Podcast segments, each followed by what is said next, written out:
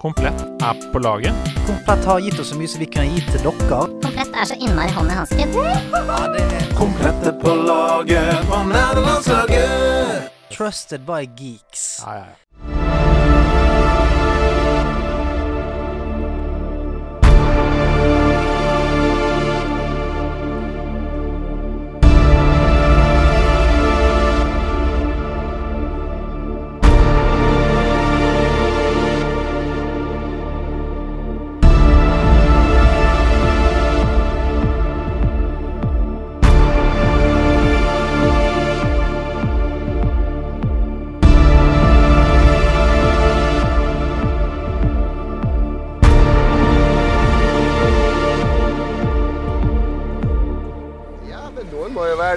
Da. Er det jo, nå popper det opp eh, spillpodkaster i øst og vest. Det nyeste tilskuddet på stammen er vel eh, bergenseren Stian Blipp, som er kjent for å kunne beatboxe og være programleder på Idol og, og i sketsjer og sånne ting. der. Men de har laga Nerdelandslaget, tror jeg de kalte podkasten sin.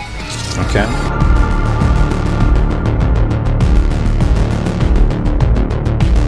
Altså Det er greia med det der spe, spillet Hva heter det? Nerdelandslaget. Første episode var det jo Hasse Hope som var gjest. Han har jo vært gjest hos oss før. Eh, altså Bare renner det inn med kjendiser i hver episode. Altså er Det liksom Det er noe man lager for å selge produktet Stian Blipp for det. Vår filosofi i Lolbua er Har du ikke laga Hvis du er fortsatt er på to ensifra eller tosifra antall episoder, så kom tilbake når du har tresifra episoder, for da vet vi om du er en stayer eller bare en midlertidig player. Men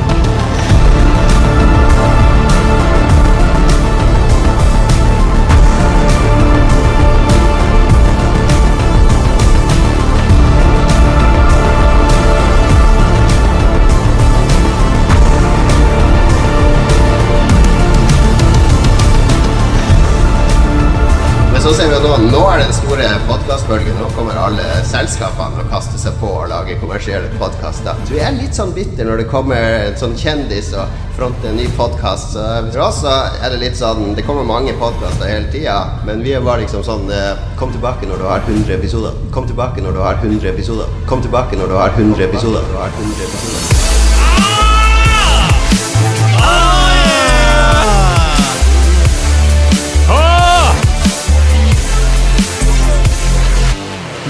Nerdelandslaget er her for å leke litt. Vi er på til for å steppe opp gamet ditt. Da du sa det du sa, ble alle broer brent. Vi kan alle slå deg i Mario Kart og i Gwent. For du sa vi var fake nerds. At vi ikke visste om Snake eller Worms. Du ba oss lage 100 episoder, men booka oss etter 15 episoder. Er det på tide å slutte, Jon Cato? Som et råttent egg utgått på dato. Vi er et lag, og du kan ikke splitte oss. Selv om du prøver, klarer du ikke knekke oss. Om du tror vi er svakere, nei. Sammen er vi sterkere enn deg. Helt fra Bergen til Vardø til Kristiansand. Vi er landslaget i eget bare vis oss hvis det gir deg glede. Petter er på han, bli på han hede. For i hjertet er vi nerder og lord. For the alliance, for the horde. Er du med dem på landslagets krig? Er du nerd og er stolt av det, skrik. Du har funnet familien din. Vi står sammen som Jayla og Anduin. Vi skal være der og gi deg glede når de ler av deg og du er nede. Ta på drakten og nekt å beklage, for du er spiller på nerdelandslaget. For et par år siden så var det to tullegutter som møttes på et rom. I håp om å lage én episode av Nerdelandslaget. Nå sitter vi her, like tullete, i et litt større rom, og kan feire 100 episoder! Er du medlem på landslaget, skrik! Er du nerd og er stolt av det, skrik! Du har funnet familien din, vi står sammen som Jana og Anduin. Vi skal være der og gi deg glede når de ler av deg og du er nede. Ta på drakten og nekt å beklage, for du er spiller på nerdelandslaget.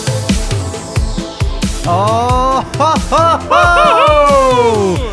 Altså, it's been a long and winding road, my friend. Oi, oi, oi, mi papi, mi papi, mi mami. Hvis du har hørt så langt og lurer på hva du hører på, du hører på Nerdelandslaget. Hjertelig velkommen. Det er vår 100 episoders jubileumsepisode. Oi, oi, oi, Hvor er konfettirørene? Hvor er bløtkaka? Nei, det Har du bløtkake? Nei, men jeg jeg har kjøtt. vandrende kjøtt i form av deg. Hey, du, du, da. ja, ja, ja, Hæ? Ja. Tenk at kjødet har gått så, eh, så lenge. Tenk på det. det er helt, eh, man blir jo litt sånn eh, Ja, hva skal jeg si? Vemodig, og ikke minst reflekterende tilbake i tid, når man sitter og tenker sånn Hva var det vi var i episode 1? Og Ja. nå sitter vi her 99 episoder senere um, etter den, da. For 99 pluss 1 er jo som kjent 100. Ja, det er mange som eh, Mange vil si det. Og mm. nå skal jo vi rett og slett servere opp en skikkelig Big Mac-episode. Jumbo-episode som inneholder alt. Eh, alt som har vært noensinne, egentlig. Rett og slett alle spaltene i podcastens historie. På ti minutter. Nei, så det blir eh, lek og lær fra start til slutt hele veien. Og aller først så er jeg bare nødt til å si dagens catchphrase, som kommer eh, passende nok fra opp ned-kors. Den er 'Hurra for 17. mai'! For 17. mai. Hurra ja. for 17. mai. Den er nydelig. Ja. Den er nydelig. Så da er vi gjennom spalte én. Da er vi gjennom spalte én. Det går i et helsikes tempo her nå. Med dette tempoet her så kan vi være ferdig på fire-fem timer. Så det, det er bare å sette i gang.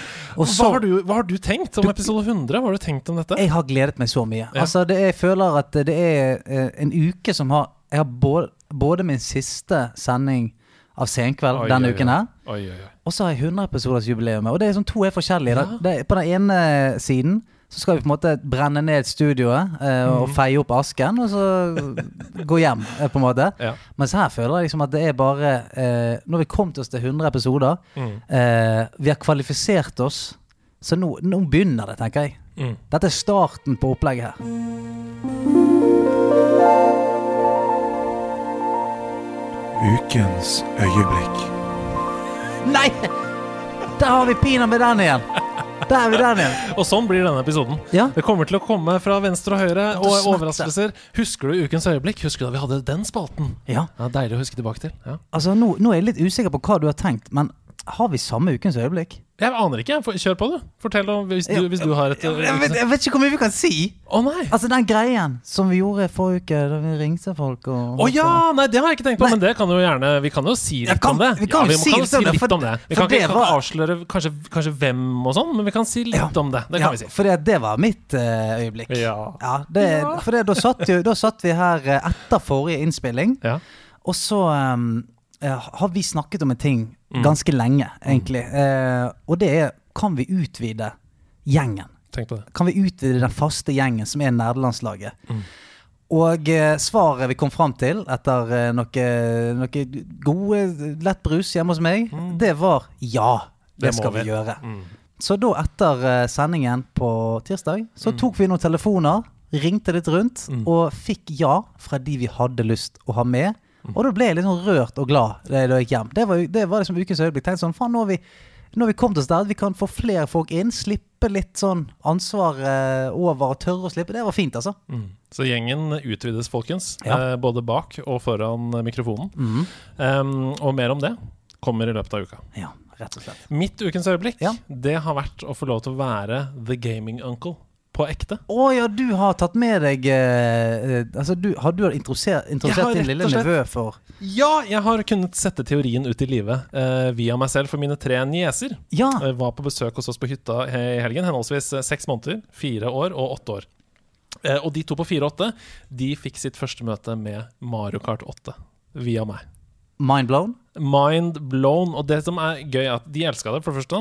Og det som er helt rått, er at det spillet har så mange muligheter for tilpasning, som jeg ikke har benytta meg av før, fordi jeg er uh, lytegamer. Så, uh, men, men litt som sånne um, gjerder på bowlingen. Ja. Så følte jeg sånn uh, Det er hjelpemidler i dette spillet som gjør at absolutt alle kan kose seg med Mario Kart 8. Så derfor så er det sånn Vi begynte med alt på, da. Altså nesten autokjøring, autogass. Ja. Eh, Den, du, du må bare svinge litt, liksom, for ikke å kjøre utfor stupet. Eh, og så etter hvert så skrudde vi av litt og litt, etter hvert som de ble bedre. Og det var så gøy å se. For det første så ble de jo sykt mye bedre på veldig kort tid. Eh, fordi de er jo fire og åtte år. Den evnen. Ja, ja, alt av informasjon som kommer inn, er bare sånn OK, greit. Alt er got lett it, got it, fiksa det.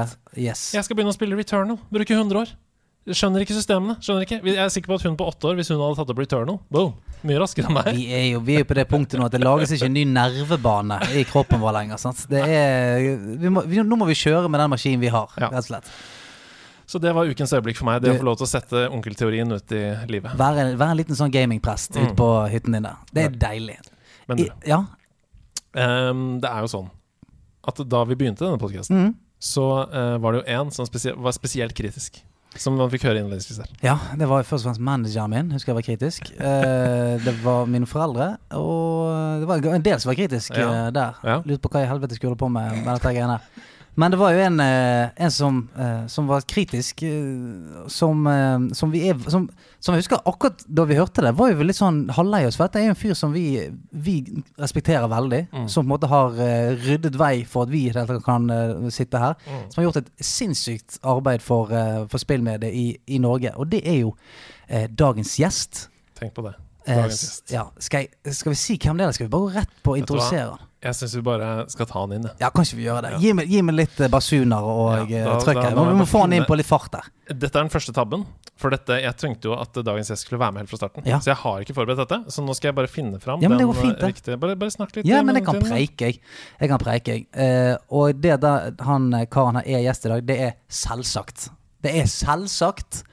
For det at eh, det folk har sikkert tippet allerede. Dagens gjest, mine damer og herrer!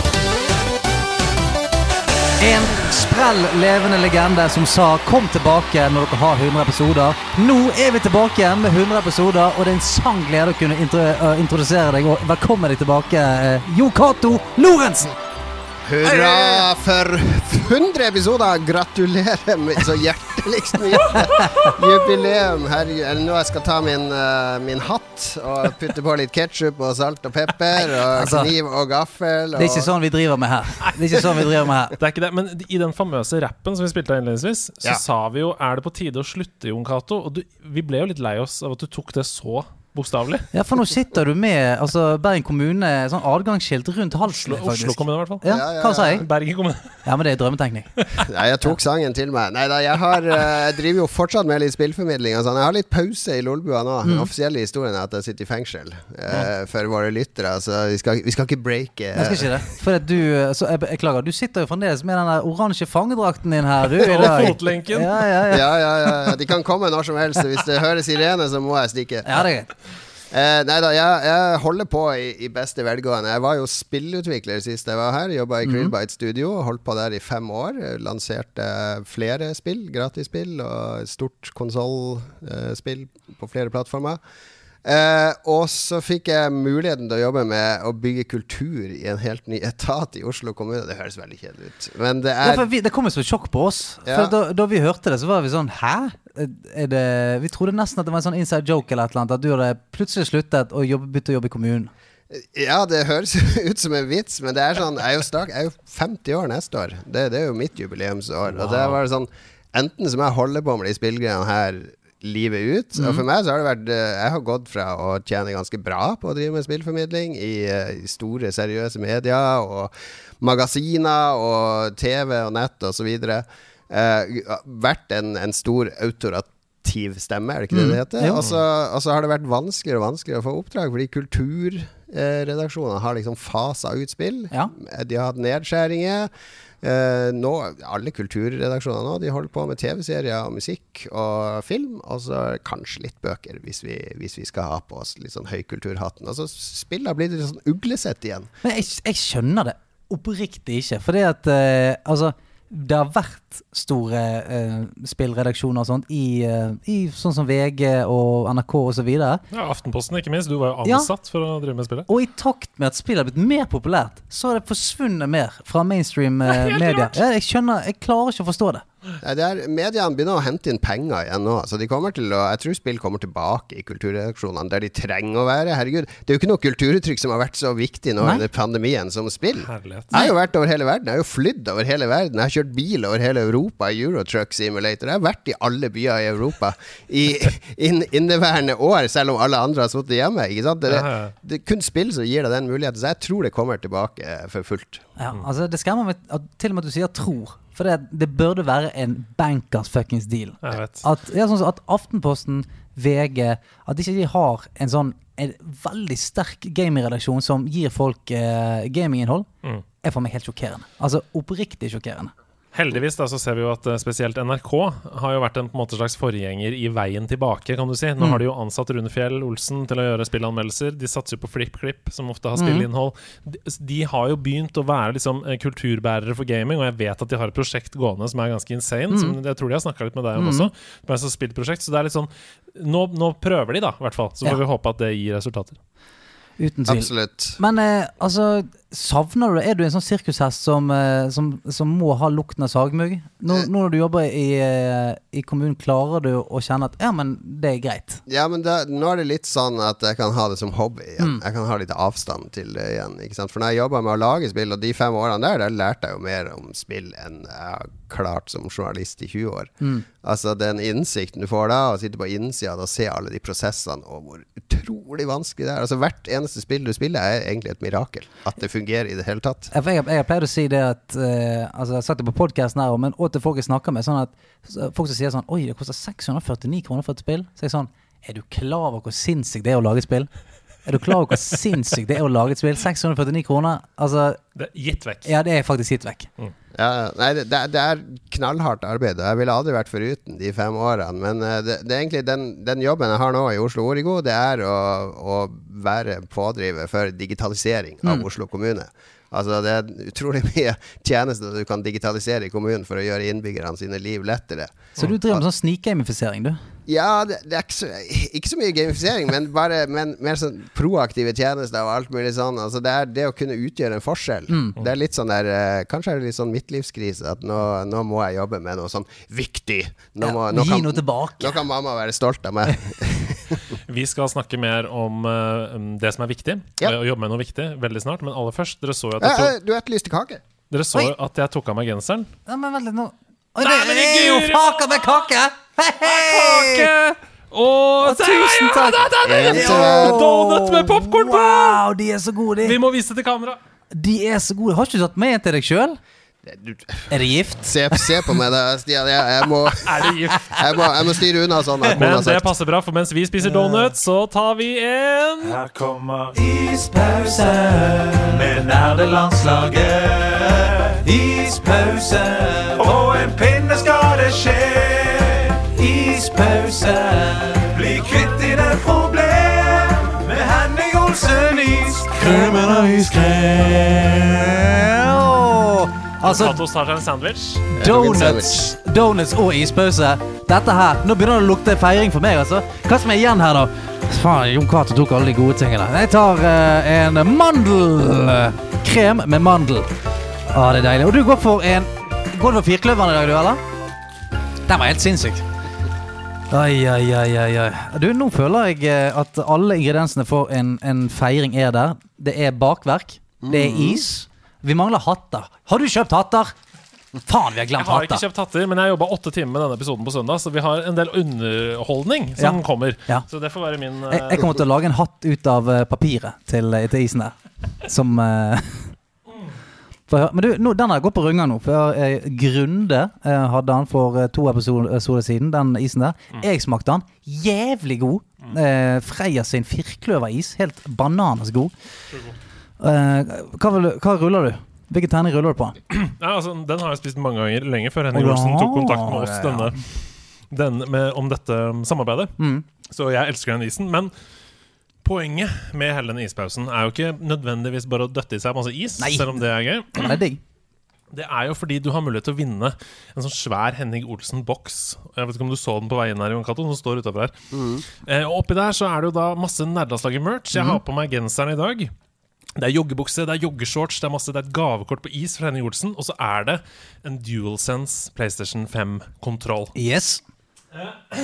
Men ikke nok med det. For hva er hovedpremien, Stian? Det er en uh, Det er en veldig sjelden Pokémon der ute nå. Det er en PlayStation 5. Straight up PlayStation 5. Du kan Wow! vinne, rett og slett. Det er helt sjukt. Så aller først så må vi jo trekke ukas vinner. Ja. Og da har jeg sånn som forrige uke tatt en random number generator. Mhm. Jeg kan avsløre fra um, eh, Anders Henning Olsen, vår mann, at det er 100% økning i antall deltakelser. Oh, Det er dobbelt så mange med denne uka. Sinnssykt! Ok, så folk er Så, keen, da. Ja, ja. her er det da av 1434 stykker, så Ja. genererer vi her nå. Og det er nummer 1296 som vinner. Hvem er det? Jeg må er- på lista her. 1296. 1296 er Ingela Reppe! Ingela Reppe! Gratulerer! Gratulerer, Ingela Reppe. Du får en boks fra nederlandslaget full av merch, og eh, ikke minst eh, eh, gavekort på is og DualSense-kontroll. Og så er det sånn Det Her blir ordet. neste ukes kodeord. Ok, greit. Du må lage sånn contentum. Se for deg at vi er et Vil du bli millionær-studio, og alle lysene går sånn. Ukens kodeord er Der fikk jeg mørk. Nerdis. Nerdis. Nerdis. Nerdis. I ett ord. Nerdis. Ok, greit. Capslock. Skriv inn koder med store bokstaver. Scroll ned på siden. Skann QR-koden. Dette vet dere nå. Men eh, anyways, uh, skann QR-koden på en uh, Norgesgruppen-butikk, Henning Olsen QR-kode, eller inne på discorden vår. Og scroll ned til bånn. Putt inn Nerdis. Kan vi avslutte med litt sånn eh, det jeg kaller ISMR? Ok, mens du ICMR-er deg, tilbake til livskrisen din. Eh, du sa er dette en, er dette en eh, livskrise som gjør at jeg nå har gått inn i staten og tenker at jeg må bli voksen. Men du begynte hele resonnementet med å si jeg tjente jo ganske godt en gang, og så har det gått nedover. Er det, er det de behovene som melder seg òg? Eh, ja, det gjør det jo for oss alle når vi blir voksne og Ja, får familie og sånn, men det, det er ikke hovedgrunnen. Men uh, altså, jeg likte veldig godt å leve av å være sånn spillkulturformidler Mm. og lære meg ting om spill og kunne videreformidle den kunnskapen og analysere spill og lære voksne å forstå spill. Mm. Det var mye av det jeg drev med i Aftenposten, var jo å eh, omsette det kulturuttrykket til noe som andre kunne forstå, som kanskje ikke var så bereist i spill. Å bygge den broa, rett og slett? Ja, bygge den broa, den forståelsen for spill som medie og spill som kultur. Mm. Eh, men jeg, jeg var jo avhengig av å kunne leve av det. Så på, skrev, på det beste, når jeg skrev bøker og alt mulig sånn, så, så tjente jeg ganske godt på det. Og jeg kunne liksom holde 100% på med det. Og spillutvikler var også noe jeg alltid hadde lyst til å være. Men det, det er også sånn det er sånn utrolig jakt på finansiering og penger, og det markedet er så brutalt. Det er så mange som lager spill. Det er ikke det at det er blitt enkelt å lage spill, men det er så mange aktører som har så lyst til å lage spill, at, eh, at du må eh, Ja, i den rollen jeg hadde, som handla om å finansiere og få inn penger og drive studio, så, så det var, var litt søvnløse netter og sånn. Det var det. Men sånn sett så er jo du på en måte veldig hånd i hanske med Stian og min visjon for nerdelandslaget. For det er jo akkurat det samme. Det handler om spillglede, entusiasme og ikke minst eh, bygge bro mellom de som er veldig inni det, sånn som oss, eh, og de som ikke er så inni det, som spiller litt Fifa eller har liksom eh, Og den følelsen av at alle kan akseptere seg selv som spillere på nerdelandslaget, da, uansett hvilken form og fasong vi kommer i. 100 og, og det du har gått inn i nå, er jo ekstremt fascinerende. Jeg har jo eh, nerdet ganske mye på sånn AI og roboter inn mot helse og sånt i det siste. Og hørte nettopp lang lang podcast om dette her som handlet om eh, spesielt sånn som nå i korona, sant? hvor det har vært vanskelig å besøke eh, pasienter osv. Hvor man har eh, robotløsninger som på en måte fungerer i hjemmet, som helsepersonell kan, eh, ja, kan rett og slett være med eh, pasientene sine, som gjerne er ensomme og sånt, hjemme uten at de faktisk er der. Så er det er du inne og lusker på noen sånne ting eh, i arbeidet ditt? Ja, altså, kommunen har noe som heter Historien om Tim, som er en sånn visjon for hvordan det skal være å være innbygger i Oslo om x antall år. Eh, og det er i stor grad sånn at eh, At mange av tjenestene bare skjer. Altså, du får barnehageplass der du ønsker, uten at du skal trenge å søke om det. At, at uh, de ting i livet ditt er tilrettelagt. Kommunen tilrettelegger for dette for en mye på, på, i mye større grad enn at du må finne et skjema på nett, printe det ut. Fylle det inn for hånd, ta bilde av det og så sende det inn for å søke om et eller annet. Ikke sant? På mange områder så ligger jo kommunen, eller mange kommuner ligger jo der fortsatt. At de driver med PDF-er du skal laste ned. Og la, husk å legge ved ligning og ditt og datt. Det er så mye av det her som ligger i systemene allerede. Så bare, hvis man bare kan få en litt sånn flyt og lage systemer som snakker med hverandre osv., dele data så Ja, for, jeg- for jeg vet ikke med deg eller deg, men eh, altså, når jeg hører ordet sånn ja, Du må søke til kommunen, så får jeg helt sånn Åh, Å, utvide terrassen Ja. der. Eh, nei. Seks til åtte uker behandlingstid. Ja, det- det- Ingen garanti for at det går gjennom. 4800 kroner i gebyr for å behandle søknaden. Ja, hvis folk sier det, da må du ta med kommunen, så tenker jeg sånn, da driter jeg det. Ja, Det burde jo være sånn, ikke sant. Du, du som uh, har nytt barn på veien, mm. gratulerer med det. Tusen takk. Tusen takk. Men når det barnet er vært seks måneder gammel, så burde det bare komme sånn pop-up. Er du interessert i barnehageplass? Ja. Ja. Ok, jeg har den og den barnehagen i nærheten av deg. Er det en av de du foretrekker? Ja. ja. Ja. Det, det er der vi vil komme, ikke sant? Oh. Tenk hvor Kan, deilig det kan hadde du, vært. gidder du å lage det innen innen nå, skal vi se Hvis klarer du å lage det innen et år, så er det helt konge. Ja, et år er lang tid i kommunen, men vi har ganske mye tempo i forhold til mye, mye ellers i kommunen. Men ja, det er der vi vil, ikke sant? Til syvende Å, og det er fantastisk. For en deilig For det første, for en deilig fremtid du skisserer. For det andre, for en riktig mann bak spakene Enig. til å lage den fremtiden. Og apropos det. Det som er deilig med å ha en sånn kulturbærer som deg her, da, som på en måte transcenderer generasjoner Altså, du har, du har vært der siden pong, ikke sant? Det er sånn Vi kan stille deg de spørsmålene sånn Hva eh, hva, hva ønsker du deg av spill som medie i fremtiden? Altså, hva, hva, hvor vil du at spill skal gå videre, liksom? Ja, det er et veldig godt spørsmål. Eh, Sånn personlig så ønsker jeg bare at spill skal fortsette å utfordre meg. Da snakker jeg ikke om vanskelighetsgrad, men bare utfordre min oppfatning av hva et spill kan være. Eh, altså det, er, det spillet jeg skal snakke om senere i dag i en spalte, er jo et sånt spill som for meg har vært et, Det kommer kanskje hvert tredje eller fjerde år et sånt spill som jeg tenker at dette nå er det tatt et steg videre. Det her kommer til å påvirke mye. Uh, og sånn. Så det Jeg har fortsatt et litt sånn analytisk blikk på spill når jeg spiller de. Ja, for er, er det Er det slitsomt? For jeg har jo en lillebror som har studert eh, skuespill. Og han er jo et helvete å se på film med. Ja.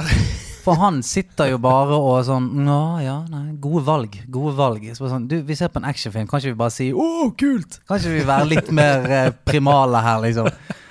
Men, men klarer du å oppriktig bare eh, forsvinne inn i spillet og bli med, eller blir du stående litt sånn på utsiden og på en måte betrakte det? Jeg klarer det i ganske mange spill. Altså Det er mange spill jeg bare spiller for å koble av. Så nå i det siste har det gått mye Euro Truck Simulator, Ja. for der har jeg full girspake. Tolv gir og ratt og pedaler og brei skjerm. 32.9. Sitter helt inntil skjermen og bare kjører. Kjøre varer, frakte, lang bil, føler meg som en eh, mann blant menn der jeg sitter Ja, ja. og ruver opp i Scaniaen min. Med en sant? trucker cap og en course light på siden. Ja, og da tenker ikke jeg på hva, hva er det spillet vil formidle, eller noe sånt. Det eneste det spillet vil gjøre, er å gi meg illusjon av at jeg kjører en lastebil. Mm. Og den der følelsen av at jeg har en veldig enkel oppgave. Frakt det herifra til dit. Fra Stockholm til, eh, til Riga, liksom. Skal du frakte den uh, tunfisken bak her. Og da glemmer du det. Altså, da er du ikke på en måte anmelder Jon Cato som analytisk tar for deg spillet. Da, Nei, nei, nei. da bare Da, er- da bare nyter jeg den Da leker jeg at det er noe annet, ikke sant. Spillet er jo i stor grad lek. Lek deg inn i noe. Men for en god overgang til en gammel spalte. Hva har du spilt siden sist? Spilletid. Hva har du spilt siden sist, da? Nå har du begynt å snakke om det litt. Du har begynt å snakke Ja. om Euro Truck Simulator. Martin Herfjord, det var godt å høre stemmen din. Ja, det var det. Nei, jeg har, eh, Euro Truck Simulator har jeg spilt, men det, jeg har, det som jeg har vært mest oppslukt av i det siste, og som er et spill jeg går og tenker på hele tida, det er faktisk Returnal på PlayStation Ja. 5. Som er et spill som har splitta folk litt. Det er noen som mener at dette er for eh, vanskelig, dette er for dårlig struktur, jeg kan ikke lagre. Det er noen bugs, det har krasja hos meg òg. Men det er et spill som Altså Tenk deg level-strukturen i, i, i Returnal. Dere har snakka om Returnal før? ikke Ja da, ja da. Ja. Eh, fordi det er ikke random-generert, men hvert, hvert område, hver verden, er liksom en kortstokk med 20-30 kort, som er de 20-30 rommene. Ja. Altså bare stokker de kortene hver gang du starter et spill, og så legger de ut den kortstokken, sånn at kartet blir litt annerledes. Men du kjenner deg igjen jo mer du spiller, for det er de, litt de samme rommene, men noen små variasjoner. Og så er det den der reisen med at du blir drept, og så starter på nytt. Du blir drept, og du starter på nytt. Og for meg så er det der eh, Det handler om å ikke gi seg. Altså For meg så kan det være ganske tungt å stå opp om morgenen. Jeg, har- jeg har vært eh, Det blir litt personlig, men jeg har Ja. vært på, jeg har vært på sykehus i, i vinter. Ble innlagt med noen hjertegreier. Og eh, har vært ganske sliten. Så for meg, akkurat nå så taler det spillet til meg på et sånn veldig personlig nivå. Det der med at kom deg opp. Det er ikke alltid jeg klarer å ta bossen eller komme meg videre eller alt mulig sånn, men jeg får noe igjen for hver run jeg gjør i det spillet. Og så forteller det en historie som bare dataspill kan fortelle historier på. For jeg er ikke noe glad i den uncharted-måten å fortelle en historie på. Fra A nå, skal jeg skyte 50 mennesker, jeg skal drepe 50 mennesker, gjemme meg bak en masse hinder, og så med en gang den siste falt, så kommer det inn noen folk, og så må jeg sitte og se en film i fem minutter, bla, bla, bla, bla, bla og så skal jeg kjøre bil dit, og så skal jeg skyte masse mennesker. Det er, ikke, det er en film som blir fortalt, og så har det gjemt et spill inni der et sted. Som du må spille igjennom. Og det er ikke mange som husker de skytescenene i Uncharted. De husker Nathan Drake og alt det kule han sier og gjør. Hæ? Husker du ikke den scenen på den broa i Uncharted 2? Hæ, ja. Der hvor du må skyte 75 folk og gjemme deg bak Det er, masse det er noen av de actionscenene som er litt kule. Men ikke sant? Returnal det forteller en historie gjennom omgivelsene, og et historie som foregår på flere plan. Det handler om hun der dama på en planet som av en eller annen grunn våkner opp hele tida, men så er det egentlig Det er noe sånn psykologisk som foregår her. Ikke sant? Det er en historie bak historien. Eh, som du kan egentlig tolke som du vil. Det er fullt av sånn der gresk eh, mytologi og egentlig en gresk tragedie i spillform. Så jeg elsker når de tar liksom ting fra andre kulturer og lager det til et spill, og det kun kan være et spill. Altså Denne historien kan du ikke oppleve på noen annen måte enn å være en del av den sjøl. For, for å gå tilbake til, til grekerne, da, så er det jo Du får på en måte bare en, en svær marmorblokk i fanget i begynnelsen av spillet, og så etter hvert så får du chippet av litt og litt til det, en statue etter 40 timer, på en måte. Ja. Men du ser ikke helt hva det er før du har kommet til slutten. Og det er jo det som, eh, som virker så spennende med det spillet når man har kommet gjennom det. At du, du lever som hva, Hvorfor? Å ja, det der huset som dukker opp hele tiden. Hva er det? Ah, ok. Og så begynner det etter hvert, og så skjønner du hva som bor i den der marmorblokken. At sånn, Å, det er det, ja. Er det mer forlokkende for deg enn en lineære uh, opplevelser? Ja, og så er det mye opp til din egen tolking. Jeg, jeg er ikke så flink i det spillet. Jeg, altså, jeg sliter med, med progresjon og de bossene. Eh, Jeg har ikke pløyd gjennom det mange ganger, men jeg har en venn som har runda det mange ganger nå. Og han, har gått, han går og snakker om den historien hele tida, fordi den forandrer seg oppi hodet hans. Ja. For han begynner å tolke ting i forskjellige retninger. Og det er akkurat som med meg, så betyr det spillet veldig mye for han, uten at han helt klarer å, å sette fingeren på hvorfor. Det er veldig fascinerende. Vi har På nederlandslaget sin Discord Så er det jo en egen gruppe for spill og Returnal. Og der er det jo bare masse svarte spoilerbokser hele tiden. Eh, men, men det er en fyr uh, der som har skrevet Som sitter og skriver tankene sine rundt historien. Og det dokumentet er nå Han vil ikke liksom dele dokumentet, da for det er jo hans eh, tanker om hva han har tenkt. Og det kan jo være veldig spoilete hvis noen andre Sånn som du sier, folk opplever historien forskjellig. Men det dokumentet er nå på syv sider. Wow. Av fire sider? Ja. Holy shit. Og da skjønner du at det er, liksom, det er et spill som ehm, kanskje på overflaten ikke forteller så mye, men som starter mange prosesser da, i hodene til folk. Jeg, jeg er helt enig. Jeg sitter der sjøl og bare jeg blir ekstremt fascinert av den verden. Men, Eh, men så er det også det er et spill som gjør noe med, med konvensjonene, med hva, hva, hva er det vi vil egentlig med spill? Fordi For mange tror jeg har spill det er en slags sjekkliste. Nå kan jeg krysse av når jeg runda Mass Effect-trilogien. Kan jeg krysse av jeg har runda Uncharted. Kan jeg krysse av jeg Zelda. Ikke sant? Du skal gjennom en sånn e- evig lang sjekkliste med spill du skal ha spilt. Mens Returnal er et spill der hver gang jeg starter en ny run der, så koser jeg meg. Altså, jeg, jeg har gjort ting før, men jeg, jeg, jeg glir gjennom brett, jeg dodger kuler, jeg, instigerer actions, jeg er helten, jeg, blir flinkere og flinkere hele tida, og så dør jeg, ok, jeg må starte på nytt.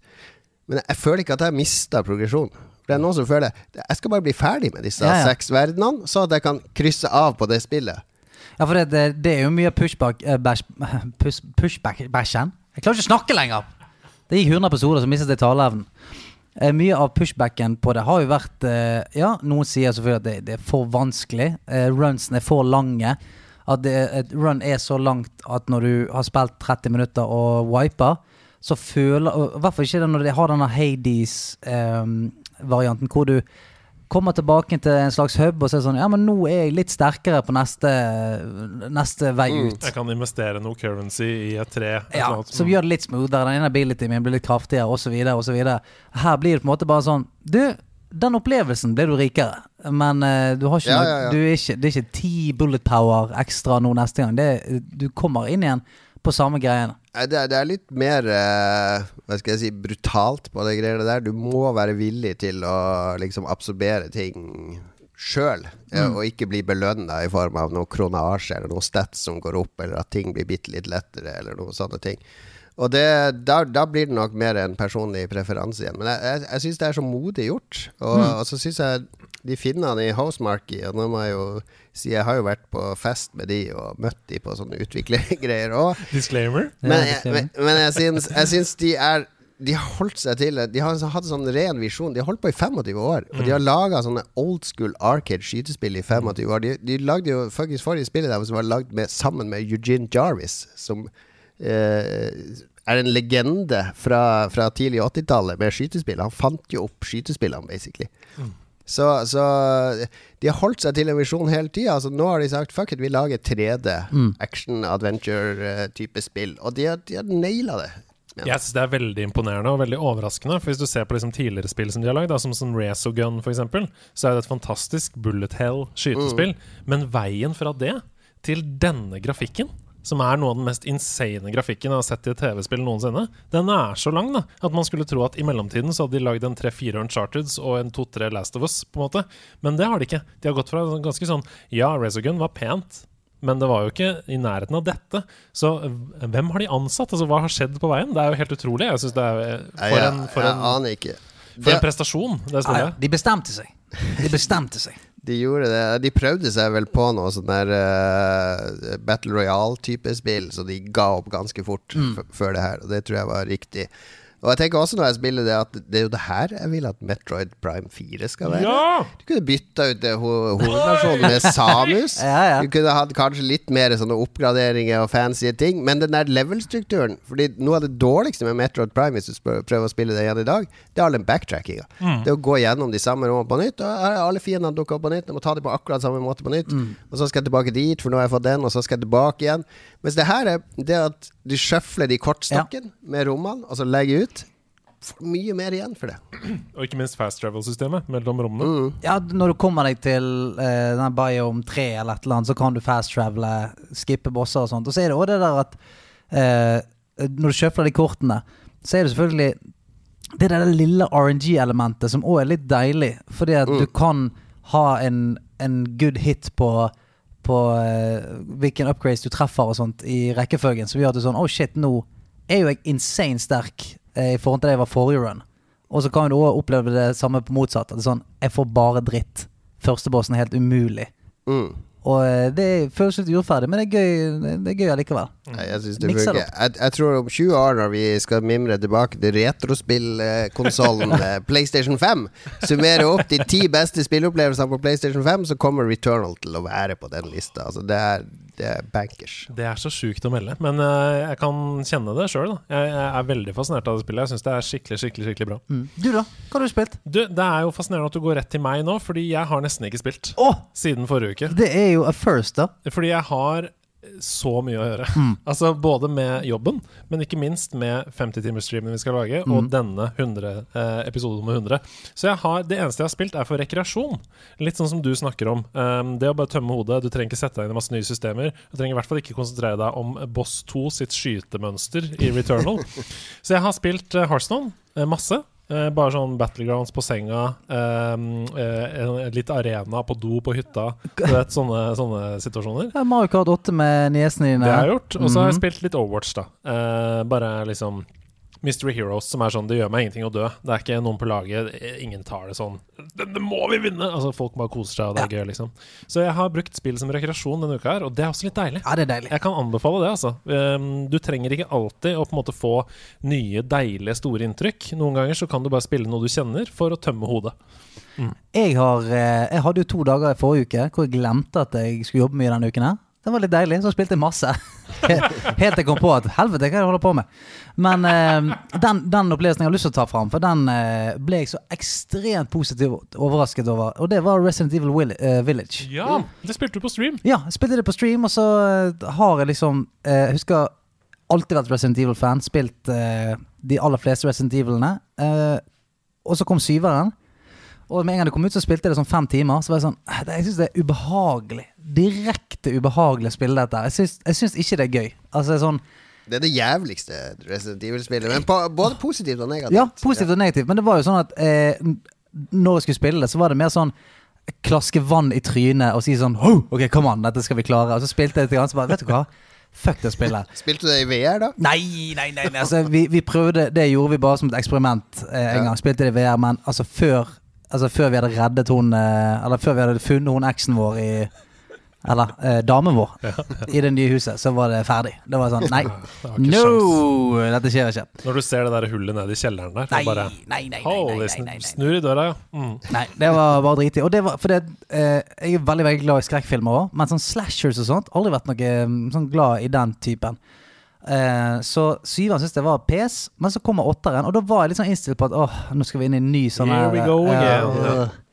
Mens det er jo dritskummelt. Kjempeskummelt, ikke det. Men det er Det er så mye mer sånn personlighetsdrevet og det, Ta det litt back to the roots. Jeg føler liksom jeg spiller uh, nyversjon av Resident Evil 1 på en måte.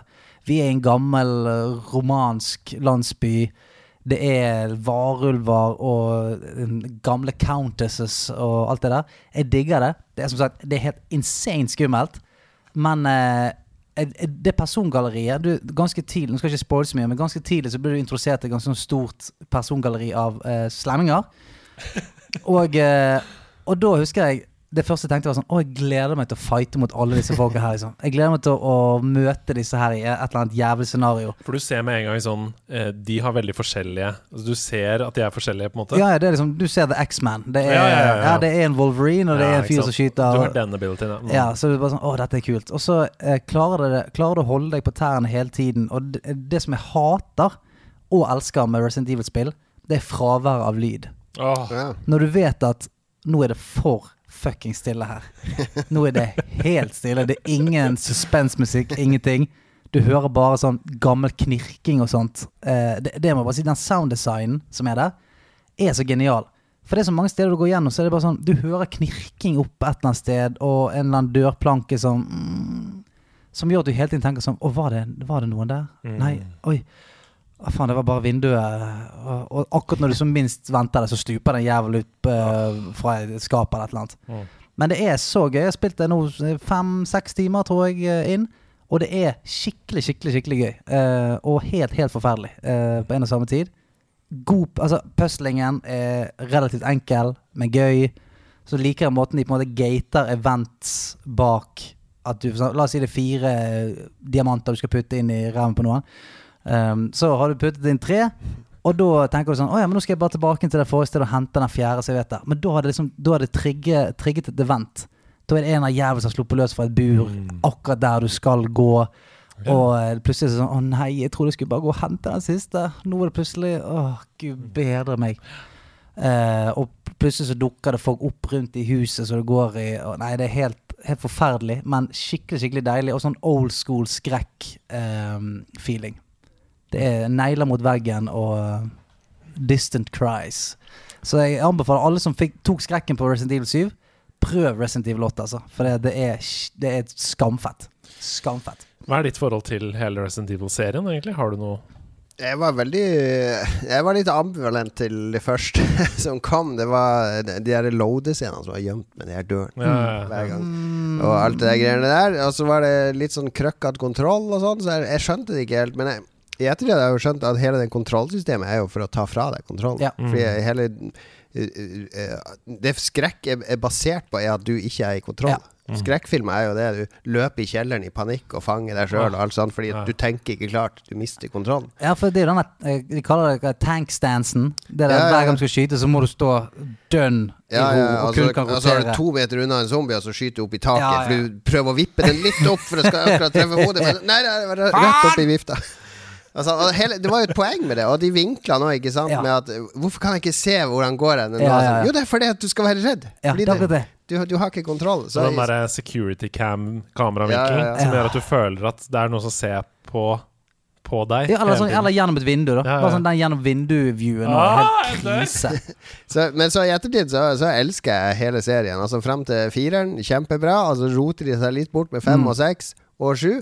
Men jeg syns også det er greit, fordi de, de ville lage et coop-spill. Det er Mm. helt greit. De ville lage first person, VR, horror. Det er helt greit. Jeg Mm. det er mye kulere at de gjør det, enn at de bare reitererer og reitererer det samme. Ja. Altså Village litt sånn tilbake til fireren og Ja. basics igjen, og det, det, er også helt, det er helt fint. Det ser jo helt smashing Ja, ut. det ser så Har en sånn gigantisk Amazone-dame Mm. som halve internett uh, virker som de rødmer når de tenker på henne. Ola meg litt pent der, men uh. Ja, nei, altså etter, etter du har spilt det, så, så er ikke du så glad i henne lenger. Da har hun mista litt av den sjarmen fra internett, da, syns jeg. Er det noe annet du har lyst til å trekke frem? Nei, altså, jeg, jeg er fremdeles på uh, Dragon Quest-kjøret. Har vel Mm. lagt ned 40 timer der nå. Uh, Oi, shit. Og det er bare så fett, det. Det er så uh, Når vi kommer tilbake til å spille ting for kos Altså, det er jeg kos. har ikke kost meg så mye med et spill på fem år, sikkert. Altså, Dragon Quest 11. Jeg koser meg og koser meg og koser meg. Og nå Jeg føler jeg kommer til endgame hele tiden, men så er det ikke endgame. Jeg tenker sånn ah, nå, nå er vi virkelig i ferd med å redde verden her. Å nei da. Vi er så vidt i gang. Men når man kommer inn i et spill som er sånn for deg, at det bare er kos, så er jo det bare en fordel. Fordi da er det sånn Å ja, det er mer innhold her. Jeg, Ja. kan, jeg kan hygge meg med dette skill-treet som jeg nå kjenner ut og inn, Ja. og disse abilitiesene og itemsene og sånn. Men er det fortsatt sånn at du um, blir gira når du finner nye våpen og sånn? Så Ja, ja, ja. ja men jeg jeg, jeg syns det er dritgøy, og jeg er på det punktet nå at jeg, jeg har ikke lyst til at det skal ta slutt, på en måte. Og hvis det tar slutt, så jeg, jeg håper det er sånn kjempestort postgame, uh, optional bosses, så jeg håper jeg kan bare bli der lenge, altså. Så eh, jeg koser meg med det. Ah, deilig. Det er um, utrolig hyggelig å ha besøk av deg, Jon Cato. Jeg føler at det er Det kunne ikke vært riktigere Nei. for episode 100. Det er deilig. Uh, og det er jo en glede, da. Og nok en gang få kunne synge så høyt vi bare orker. Ha med, ha med dag, Hey, hey. ha med, ha med dag. Ha med ting etter ditt behag. For det er ha med dag. Episode 100. Vi har besøk av Jon Cato. Har han med seg en sonde eller romrakett fra Nato? Har han med seg bløte kaker som skal knuse i trynet ditt? mitt. Har han med seg donut som er forgiftet? Kanskje det Jon Cato han er en mann som er skikkelig legende, han. Legende. Han har tatt med seg donut, men han har en pose med masse annet. Få se hva som er oppi Outland-posen, det får vi vente og se. Han tar den opp på bordet her nå. For det er han i dag. Fin spalte. Fin spalte. Den personen Jeg jeg skal ha litt uh, bursdagsgave først. Jeg Nei. skal ut og handle. Så Oi, kan dere oi, krangle om hvem som skal Oi, hva. hva er dette? Er det chili? Men hva er det du Jeg er veldig glad i brettspill. Eh, det, det har hatt sånn renessanse de siste årene. Så jeg har tatt med to av verdens beste brettspill. Det er Love Letter og Skull. Ok, fortell, fortell oss hva dette er for noe. Fortell, fortell, Skull er et psykologisk uh, bløffe uh, risk-spill der du skal pushe din løkk så langt, langt som mulig. Det kan du spille, bør spille når du drikker. Det er et veldig bra sånn drikkespill, fordi du blir sånn overmodig, og du tenker jeg kan lese det perfekt, så jeg vet hva du har lagt der, jeg vet hva du har lagt der, så jeg tar sjansen på å gjette det. Her står det For true connoisseurs Here's the purest edition of Skull brought back from the ends of the earth by the author's ancestors. Oi. Lucky are the novices who now have the chance to discover one of the greatest bluffing games of the second millennium. De kødder ikke rundt. Nei, nei det, men det er en klassiker, og det, det beste du trenger egentlig ikke det fancy eska der. Du kan bare spille det med vanlig kortstokk òg. Det er et ja. renbarka drikke-bløffespill. Jeg elsker det. Jeg er jo veldig glad i Liars Dice. Ja, ja, ja. Det er rasling, eller hva de kaller det på norsk. Litt i samme gate. Det andre er Love Letter, laga av en japansk designer. Du ser der det står vel navnet hans et eller annet sted der. Ken Ja, Seiji Kanai. Det er rangert som kanskje verdens beste kortspill. Det har bare 15 kort. Nei, 16 kort. Kun 16 kort. Fire Wow. spillere. Eh, om å gjøre å ende opp med prinsessa på hånda. Jeg kan jo beskrive hva som er her. Det er jo Ja. en slags tøypose med Ja. gullsnor som um, Det ligger da eh, kortstokk inni, og her står det Calling suitors one and all. Compete to deliver your missives to the kingdom's princess in this quick card game of risk and deduction. Uh, can you outwit your friends and earn the trust of the noble princess? Det er et uh, deduksjonsspill hvis du liker Altså Hvis du liker litt sånn game design. Det der er så perfekt designa som det går an å bli. Fordi hvert kort har sin power. Og så skal du egentlig gjette hva de andre har. Hva, du kan se hva som er spilt, og jo lenger ut man kommer, jo mindre muligheter blir det igjen. Så siden du gjorde det for to runder siden, så er jeg ganske sikker på at du sitter med det kortet. Ja. Og da føler du deg som verdens smarteste. Kan jeg bare si en ting?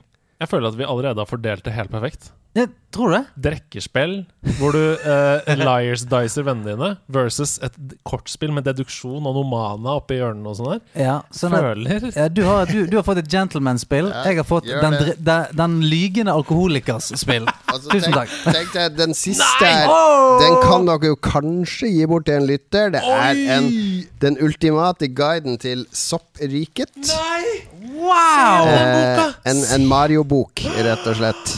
Holy Å, maloney. Den går rett i price-poolen til 50-timersstreamen. Å, 100 satan, så fin han er! Se på den boka. Ok, det, Vi må beskrive. Det, er, det ser ut som en uh, question mark-blokk, altså Ja. en spørsmålsblokk fra Mario-universet, som Ja. du kan hoppe opp i. Og den, og den er opphevet i på en måte Printen. Ja, i printen. Men, men vis meg uh, ryggen på boka, for der står det noe uh, Nei, på, på, på andre siden. Altså Ja, den kortsiden. der, liksom. Der. Super Mario Bros. Encyclopedia. The official guide to the first 30 years. Oh! Fy flate. Denne her er så kul, den. Den er så insane kul. Masse art, masse fakta om eh, Mario opp gjennom tidene. Wow. Det er sånn bok du bare kan sitte og bla i og bli glad av. Altså, så jeg det- så det- jeg visste jo dere skulle ha stream, så jeg tenkte eh, kanskje, kanskje litt mer premie. Kan, kan folk slutte å komme med ting som vi må gi vekk? For jeg synes Det er så jævlig mye kult som kommer. Jeg må ta bilde av dette. Ja, Altså. altså Det er en hel side her bare med Yoshis power-ups. Det var en, en hel side. Å, gud bedre. Her kan det bli eh, et Mario-leksikon med denne boken her. Ai, ai, ai, ai. Tenk at vi skal gi vekk denne boken her, og gi vekk den der eh, Pokémon-pakken fra 1998. Jeg dør av å tenke på det. Men, men kommer man til å være ha en fordel på eh, Jon Catos spillquiz på Tilt, hvis man har lest uh, encyklopedien? Helt garantert. Helt garantert. Vi har hatt sånne der bilder av ti power-ups i Mario. Hva gjør disse, osv. Ja. Det er en del obskure power-ups i noen av de spillene. Bli en vinner på Jon Catos spillquiz med The Ultimate Guide to the Mushroom Kingdom. Kjøp nå, få med. Men du, dette er jo altfor fine gaver. Altså, dette er episode 100. Ja, vi ble jo utfordret av deg. Men det skal jo ikke være sånn at du som gjest kommer med donuts. Og det er jo vi som skal by Jo, på det Ja. syns jeg. Jeg liker jo å tenke på at min, eh, mine store cojones og min, eh, min slenging med leppa Kanskje det var litt sånn ekstra motivasjon. Vi skal faen meg vise han! Ja, men det var jo det. Det var, det var jo uten tvil et spark i ræven. Og sånn, ok, greit, men vi får, Da må vi vise at vi mener business. Ja. Ja, ja, Til ja. JC her. Ja, for det er ikke bare bare å holde på i 100 episoder. Vi er jo oppe i 350 nå, og det, nå er det sånn Det her har jeg prata om før. Det er jeg Ja, ja. sikker på jeg har prata om før. Ja, ja, dette har vi.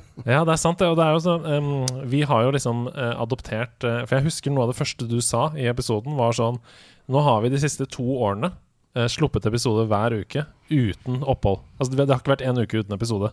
Og det har vi tatt veldig til oss og tenkt sånn, vet du hva, det vil vi òg. Så vi har jo også det. Det, er ikke, det har ikke vært én uke uten nederlandslaget siden starten. Nei, det er helt insane, faktisk. Um, og det, det Ja, det lærte vi av dere. Dedication. Er det fortsatt sånn med Lolebø? Eh, jeg tror vi har hatt eh, I og med jeg ble sjuk og sånn, så tror jeg vi hadde en pause eller to. Men eh, det går, det ruller og går nå. Det er det, det, er det ingen som husker. Det har ikke vært uavbrutt siden starten. Tusen takk for en nydelig Ah, ha med fy dag. flate, tusen hjertelig.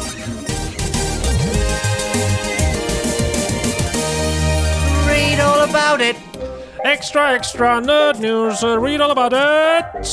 Hva er eh, bilaget i dagens Nerdenytt? Det som ofte er sånn innstikk i avisen. Ja, nei, det er ti power-ups du ikke trenger i Returnal. Oh. read all about it! Ten power-ups you don't need in return. Kan du nevne én? Uh, the re reduced uh, firepower. 20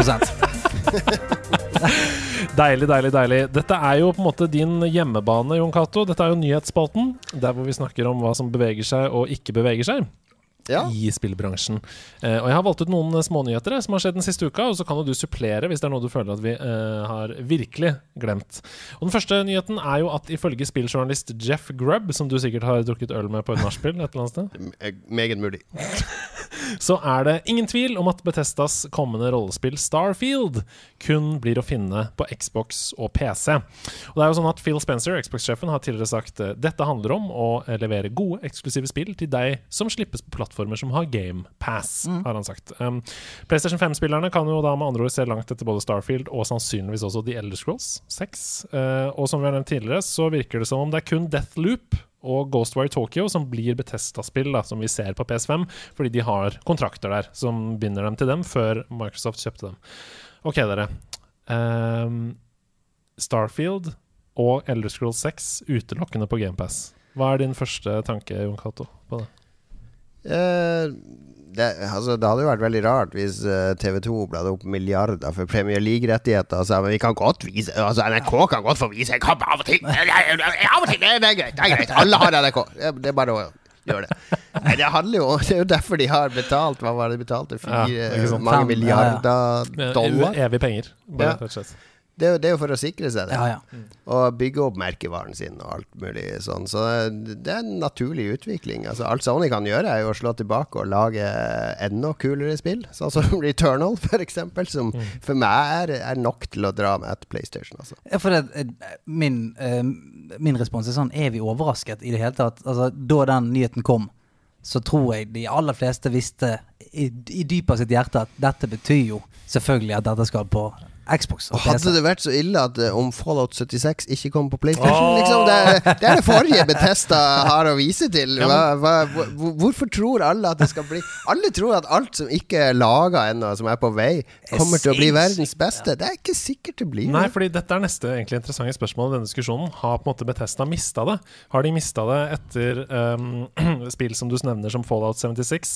Uh, etter fantastiske opplevelser, da, som f.eks. Skyrim? Har de mista det? Mm, det ristes Nei, på hodet. På det er jo mer de har enn eh, Altså Det er ikke bare Bethesda, det er vel Zenimax de har. Så Vi snakker jo om id Software og, Mm. og Doom og Wolfenstein og en del annet òg, som er ganske snacksy og, Mm. og snertent. Men for Bethesda sin del så de har jo ikke videreutvikla den motoren sin på 100 år. Fallout 76 var jo en Mm. katastrofe da det kom. Fallout 4 var jo heller ikke så bra som New Vegas og 3. Altså de, Skyrim fungerte etter mye om og men, men det er liksom forelda spill. Mm. Altså det, det er de- Forelda Scrolls. ja. Oh! Ja, ja, ja. Foreldrescrolls. Det er noe hyggelig.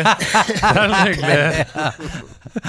Du kan bare gjøre de oppgavene som er sånn smie, Ja. eller eh, bondeting, Hent ungen i barnehagen. fiske. Ja. Ja. Hent ungen i Dovakin-hagen. Ja. Nei, så det, din eh, dom er at nei, Bethesda har ikke mista det, men de må fornye seg Ja, sjøl. og, og mitt perspektiv er at det skjer så sinnssykt mye spennende fra så mange nye og halvkjente og kreative, flinke studioer rundt omkring. Så det er ikke noe vits å være forelska i noe sånn herre det, er- det er som Rolling Stones. Altså Bethesda er som Rolling Stones. Det er ingen som gleder seg til en ny Rolling Stones-plate. Ja, det er du godt gleder deg til de nye, kule bandene som kommer, ikke sant? Ja, for jeg, eh, jeg tenker at selv om et eh, Altså, Fallout 76 og sånt, ja vel, men eh, om United har en dårlig sesong, så si- sier jeg ikke at det er et dårlig lag. Da sier jeg sånn Ja, men de hadde en dårlig sesong. Og det, og det tenker jeg her at sånn Jeg tror at det er så mye penger spyttet inn i det opplegget der nå at uh, det kommer gode ting, tror jeg. Men så er jo det sånn eh, for oss uh, som kanskje har spilt mest Sony og er mest på PlayStation, så har jo PlayStation vært ute og sagt at de er jo i gang med 25 nye Ja, ja. eksklusive spill, hvor på det er mange nye IP-er osv. Så videre. sånn at man, man må ikke henge seg opp i det som ikke er der. Nei da, og det er ikke noe, uansett ikke noe problem for meg, for jeg har bundet meg til GamePass-masta som bare det for lang, lang tid framover, så jeg gleder meg til å spille. ja. Og Starfield er jeg veldig gira på. Men vi har jo også adoptert eh, din lille sånn preken om å ikke snakke for mye om spill som kommer. Heller snakke om spillopplevelser som er fantastiske i dag. Så det bruker vi mye tid på i nederlandslaget. Så når Starfield kommer, da skal vi ta det på alvor. Ikke et sekund før. Ikke skummel. Skull and Bones, apropos spill som kommer. Piratspillet til Ubisoft, som ble annonsert på E3 i 2017 og skulle slippes i 2018, er utsatt igjen. For fjerde år på rad. Eh, ny dato det siktes på, er april 2022. Eh, de sa jo i september 2020 at de fulgte en ny retning med Skull and Bones, og at denne retningen var eh, å gå et steg bort fra open world-stilen som de tidligere har gjort i Assassin's Creed. Eh, og ikke minst Immortals Phoenix Rising. da Over til en mye mer sånn live game as a service-spillmodell.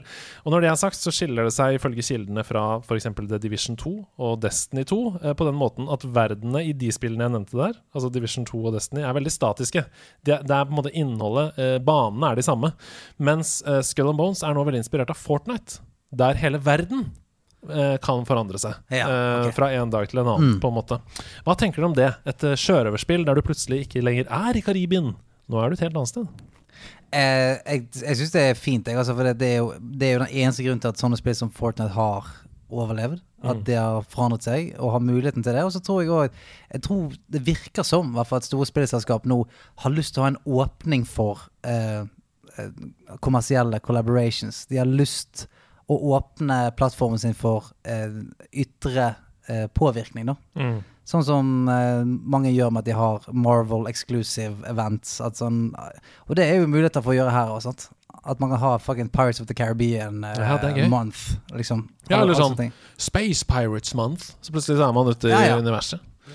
Sp sponsored by Even Rude. Poengsmotor. Tor Det er gøy. Nei, men Hva tenker du om det? Eh, Litt, kanskje i litt sånn større perspektiv, da. Game as a service, Ja, liksom. jeg liker veldig godt Games as Service. Altså Noe av problemet med Destiny og Division er at uh, du har gått opp og ned i gatene 100 ganger, og det skjer det samme stort sett hver gang. Eh, Det er ikke noe forandring og sånn. Jeg har alltid ønska at Destiny skulle være sånn nå skjer det ting på Mars. Nå har det her dukka opp på Mars, og så neste uke så er det noe annet et annet sted. At man kan liksom kaste ressurser rundt og lage events mye fortere. Så- Nå er det liksom en meteoritt som har truffet Mars, så det er et stort krater, og det viser seg at det er noe under overflaten. Ja, i stedet så er det sånn Vi må vente ett år på den store Ja. expansionen som eh, snur opp ned på litt. Og så er det, nå skal det være sånn i ett år. Altså Det, må- det må gå litt sånn. fortere. Bare fikle og triks med ting. Og, Det er så gøy. Det er så gøy, fordi du jo Du har jo jobba i et spillselskap, og nå sitter du her og sier sånn Det må gå fortere. Vi må få mer innhold. Ja, ja. Eh, Ja, men ikke nødvendigvis mer enn bare tune det innholdet som Ja. er. Bare ha en uke der det her er ikke lov. Nå, denne uka så skal vi bare Vi skal lage en ranking på de som frakter mest varer og dreper minst, ikke sant? Oi, Så ja. Endre litt på reglene. Ja, jeg er helt Det er enig. Masse sånne småting man kan gjøre. Helt, helt enig. Og der har du hvorfor du har jobba med spill, da. Ja. Fordi det var en god, god idé. Meget mulig. Men eh, husk alltid når vi sånn, sitter sånn her på utsida og sier 'bare gjør sånn, bare gjør sånn', så sitter de som jobber på innsida sånn her det kommer en sånn enorm liste med alt som du må endre og tilpasse, og hvem, hvilke folk som skal være med. Og det var noen som snakka om det på Twitter nå, eh, en som påsto sånn her eh, En ny karakter i et fighterspill, det er jo bare det er sånn enpersonsjobb. Du trenger bare et design, og så er det bare å implementere i spillet. Så var det bare å liste opp alle de disiplinene med rigging, animasjon, kua, skripting, eh, k- eh, hitboxer. Det er sinnssykt mye ja. ja. Og ikke minst hvis alle de andre individuelle karakterene skal forholde seg individuelt til den nye karakteren. Ja, korrekt. Da snakker vi. Ja, ja, balancing og alt mulig. Ja, det er kult. Det er, det, jeg, er glad, jeg er glad jeg ikke trenger å lage de spillene jeg spiller. At jeg kan bare spille det og kose meg. Veldig sant. Sony fortsetter å selge vanvittige mengder med PS5-konsoller, og regner med å ikke klare å møte markedsbehovet før langt ut i 2022. Um, kanskje ikke engang i 2022. Oh, Jesus Christ. ifølge CFO i Sony, som heter Hiroki Totoki, um, er ikke det litt sjukt? Altså, de har allerede solgt åtte millioner konsoller av PS5, og de, de sier at de ikke klarer å Altså, det kan gå ut 2022 før de på en måte er ovenpå, da. Det er kjempetrist. Det er Ja. kjempetrist. Det er jo trist, men det er jo også ganske Det sier jo litt om eh, spillenes standing i 2021 kontra tidligere. For det er jo um, Nå har jeg ikke den Nå snakker jeg litt fra, fra levra her, på å si, men det er vel den raskest selgende konsollen uh, i USA, blant annet. eh, som vil si at vi har aldri sett lignende tilstander tidligere. Da. Det er jo sjukt. Ja, det, det, det viser at den hardcore-gruppa, de early adopters, de har vokst veldig. ikke sant? For det- smertegrensa på det pleide å være litt sånn rundt fire-fem millioner. Så har det liksom de der som skal ha på dag én, det har de fått. Og det, vanligvis har det vært sånn shortage en måned, to måneder, tre måneder, og så har det begynt å bli sånn generell tilgjengelighet. Men nå har den gruppa blitt mye større, og så lanserer de mer globalt med en gang. Altså Det er ikke så stykka opp. Nå er det jo PlayStation 5 kommer ut i Kina denne uka òg, ikke sant? Da har du plutselig et marked med én milliard potensielle kunder, så det blir ikke noe lettere å få tak i PlayStation da. Før så metta de det japanske markedet, og så var det det amerikanske markedet, og så var det det europeiske markedet. Og da venta vi jo ett år i Europa på, på lansering. Mens nå, så når det er globalt, så klart. Det blir shortage overalt. Og så er jo timingen helt sånn sinnssyk. Du treff, altså, pandemien har jo selvfølgelig utfordringer som gjør at det er vanskelig, men du treffer òg i pandemien som er da folk sitter hjemme og bare sånn Ja, det har vært jævlig digg med en spillkonsoll nå. Sånn at du har en sånn dobbel negativ der. Men Med, du har ikke brukt opp feriepengene på. Mallorca og, og eh, fjås og tull og andre ting. Du sitter med så mange penger og bare Å, jeg vil ha ny konsoll. Ja, Du bruker jo pengene på ting i hjemmet ditt. Underholdninga di. Men det er, bare, det er bare trist å vite at sånn, når du ser, eh, ser rosteren på et spill som skal gis ut det neste året, da, at det er så mange som har kjøpt dem, men som ikke kan spille de spillene før om et år. Det, det, det gjør meg oppriktig trist. Ja. For det er mye kult som kommer fra hverandre. Altså. Ja, ja, det er mange fine ting som har kommet allerede, som vil være helt på en måte Altså, det vil jo ikke være det. Vi, vi snakker jo også ofte om at f.eks.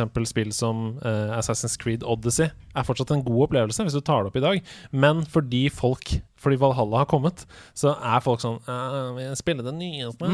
Og sånn kan det jo føles. da Tenk om, tenk om alle disse som ikke får konsoll før i 2022, ikke gidder å kjøpe Returnal fordi det er to år gammelt. Det gjør ikke noe. Bare finn det du har lyst til å bruke tida di på. Ikke sant? Ikke, ikke føl at du må krysse av på alle Assassin's Creed-spillene. Jeg har jo folk som spør meg Jeg har lyst til å begynne å spille Assassin's Creed. Må jeg begynne på det første? Nei, ikke. Helst ikke. Helst ikke begynne på det første. Det er så digg å bare ha en sånn fasit ved siden her. Helt avslutningsvis, i nyhetsspalten, så skal vi til noe helt nytt. For vi samarbeider jo, som dere vet, med Komplett. Eh, på laget. Komplett har gitt oss mye som jeg kan gjøre i dag. Jeg begynner å bli god på den. ja, det, er bra, det, er du, det er bra at du ikke stemmer på vignetten. Jeg, jeg, jeg elsker deg, men uh, det, akkurat det er bra. Okay. Kom det. Herman Friele er med der. De kjører noe som heter månedens gaming deal. Det har dere kanskje sett hvis dere er inne på Komplett og sånn. Og det de gjør da, det er at de tar for seg et tema innenfor gaming, og så setter de en del produkter som er knytta til det temaet, ned i pris. Og i den forbindelse så kommer vi, Stian og jeg, en gang i måneden fra nå av, eh, og hele 2021, til å videreformidle noen utvalgte deals som vi personlig syns er bra. Ja.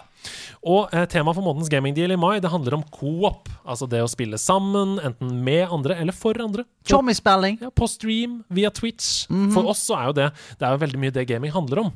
Fellesskapet, ikke sant? Nerdelandslaget. Eh, så noen produkter som vi vil veldig gjerne gå gode for og trekke fram i den forbindelse, som du nå kan gå f- få til en hell of a dollar hos komplett.no, det er først og fremst Komplett Chameleon P9, som er en bærbar PC. Den har 144 Hz skjerm, GTX 1660, I7 9750, 16 GB ram, og ikke minst halvannen terabyte SSD. Den er satt ned fra 16 til 12 000. Ja, og jeg har en Chameleon som er eh, veldig veldig lik i, eh, i sammensetning som denne her, som jeg bruker veldig mye. Eh, nettopp fordi at jeg hadde lyst på en laptop som jeg kunne bruke når jeg var på reise, som jeg kunne jobbe på, men som jeg òg kunne flekke opp og spille fuckings 144 fra frame Apex med chommene mine. Eh, det er sånn gleder, når, når man åpner opp for LAN igjen, så er det sånn 'Skal du komme på LAN til meg, eller?' Ja ja. Så smekker du denne tynne Chameleon i sekken.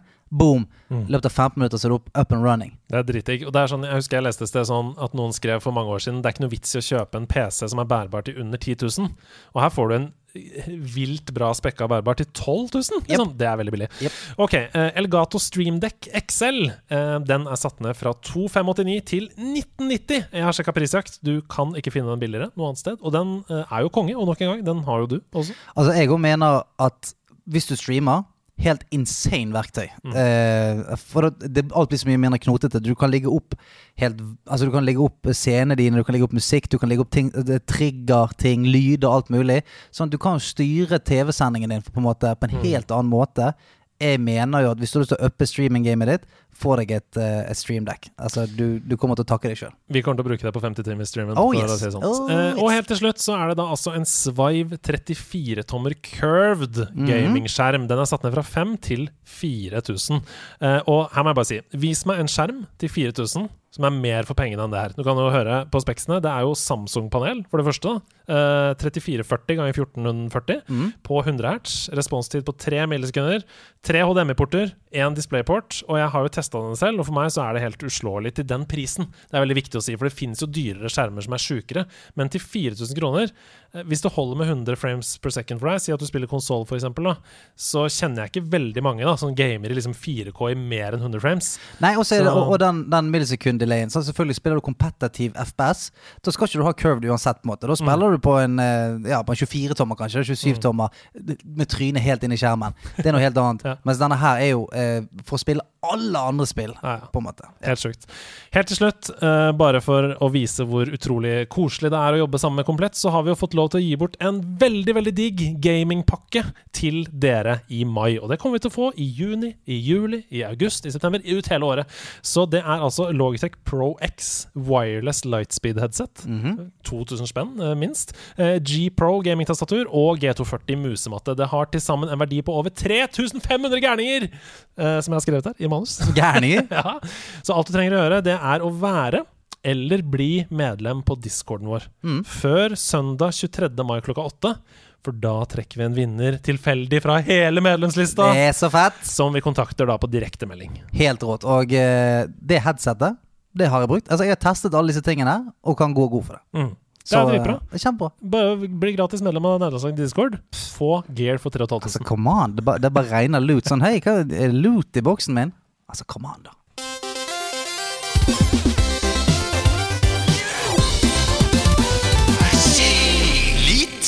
Skit? Ja, en liten lynrunde her, eh, folkens. Jeg eh, sier en ting, og dere skal bestemme om det er lit eller skit. Altså bra eller ræva. Eh, og så gjerne et kjapt argument for eh, det ene eller det andre. Og hvis dere er uenige, en liten debatt der. Sant? Til- Til døden. Hot tub streamers. Oi. Lit eller skit? Det er skit, det. Det er, må jeg velge en av de? Det er sånn dilemma. Jeg er helt indifferent til det. Altså det er, jeg, jeg sier skit, så slipper jeg skit. Så slipper jeg å utbrodere det. Nei, jeg, jeg, det er jo ikke det, det har ikke det, Ja, jeg forsvarer retten til å kunne eh, ha ytringsfrihet, men har de noe på Twitch å gjøre, da? Nei.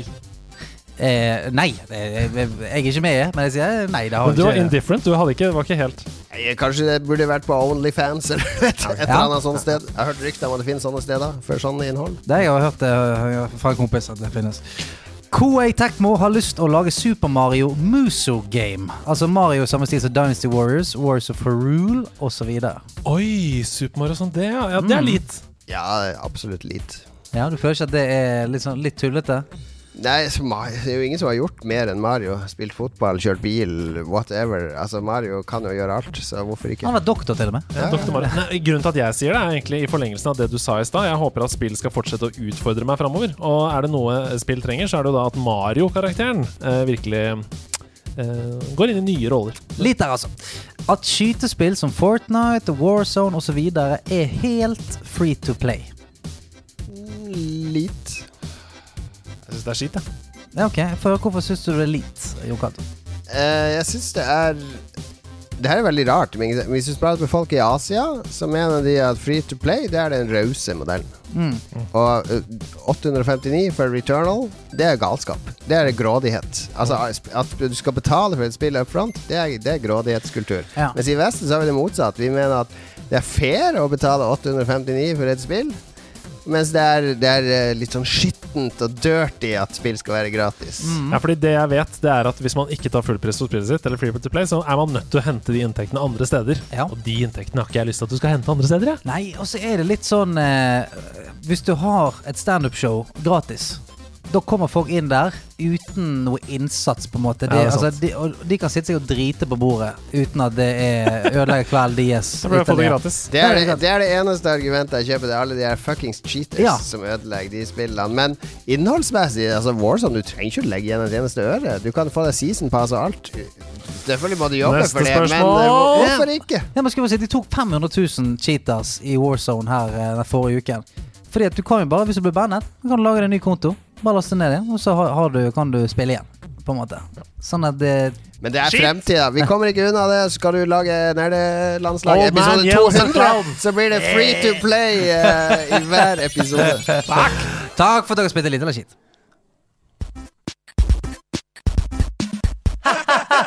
Oi, oi, oi, en gammel jingle. Det er rett og slett en jingle til en spalte som vi aldri fikk jingle til. Er ikke det? Jo, var det skru opp lyden, det? Ja! Ja. Det er Skru opp lyden. Stemmer denne det. konkurransen hvor vi konkurrerer i spillmusikk. Jeg spiller av spillmusikk, og dere er mot hverandre Mhm. til å rope navnet deres og skjønne Det er lag. hvem det er, så hvilket lag. spill det kommer fra. Det var nytt lag. Og jeg har også oppgradert uh, Skru opp lyden, for det er en fellesnevner. Ok, det, å, det er det, ja. Det er en fellesnevner mellom alle sporene her, altså tracksene som vi skal høre. Eh, eller spillene, da, kanskje. Eh, som også er da et poeng på slutten, som eh, man kan få hvis man er god.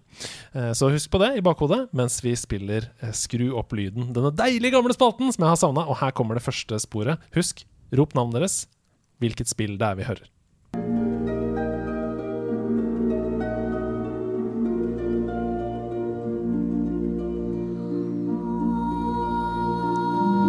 Eh, Jon og...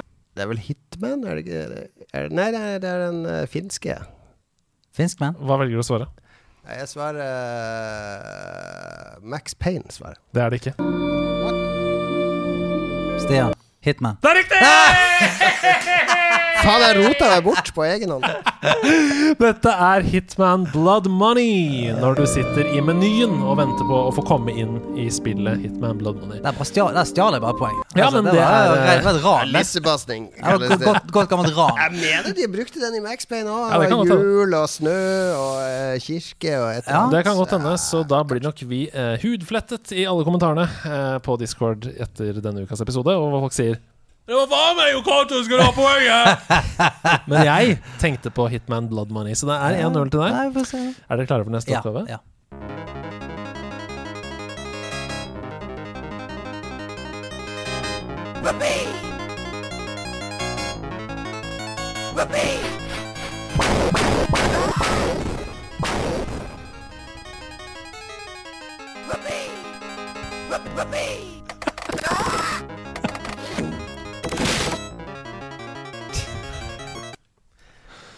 Her er det to store spørsmålstegn. Ja. Han ene holder seg med to hender på hodet, og det er ikke Jon Cato.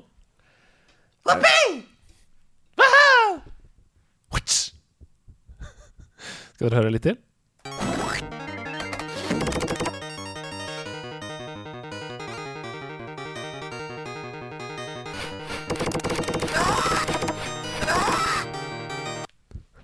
Hva slags assosiasjoner får dere her, da? Hva tenker dere når dere hører disse lydene og musikken? Jeg tenker umiddelbart at vi er et eh, slott. Det er en slott, Ja. slottsbane her.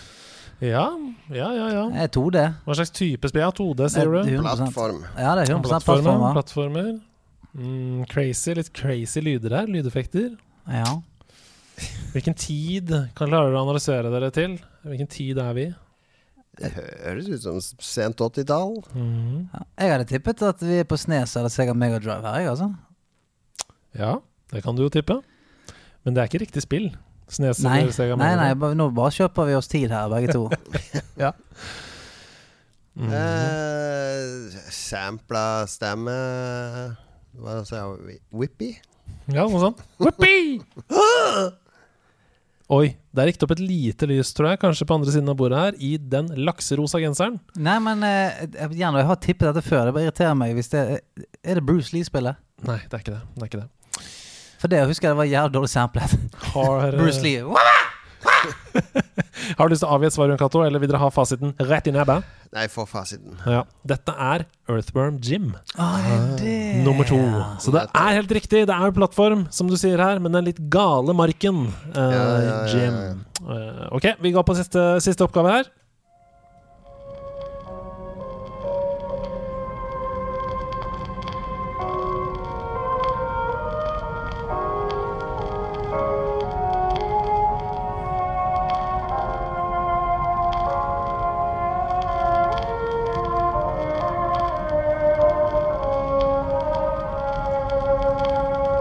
Stian? Bioshock Infinite? Oi, det er godt tippa, men det er ikke riktig. Men um, stemningen er jo Er det der, kanskje? Hva slags feeling får dere? Nei, jeg får den uh, Den, den Bioshock Infinite-feelingen. Mhm. Det er litt eh, rustent her, på en måte. Eh, Vi, vi er i dystopia. Ja. Er det skummelt, kanskje? Er Litt sånn horror i det. Mhm. Vi har snakket om denne utgiveren tidligere i denne episoden. Om Utgiveren, ja. Hmm. Er det Nei, hva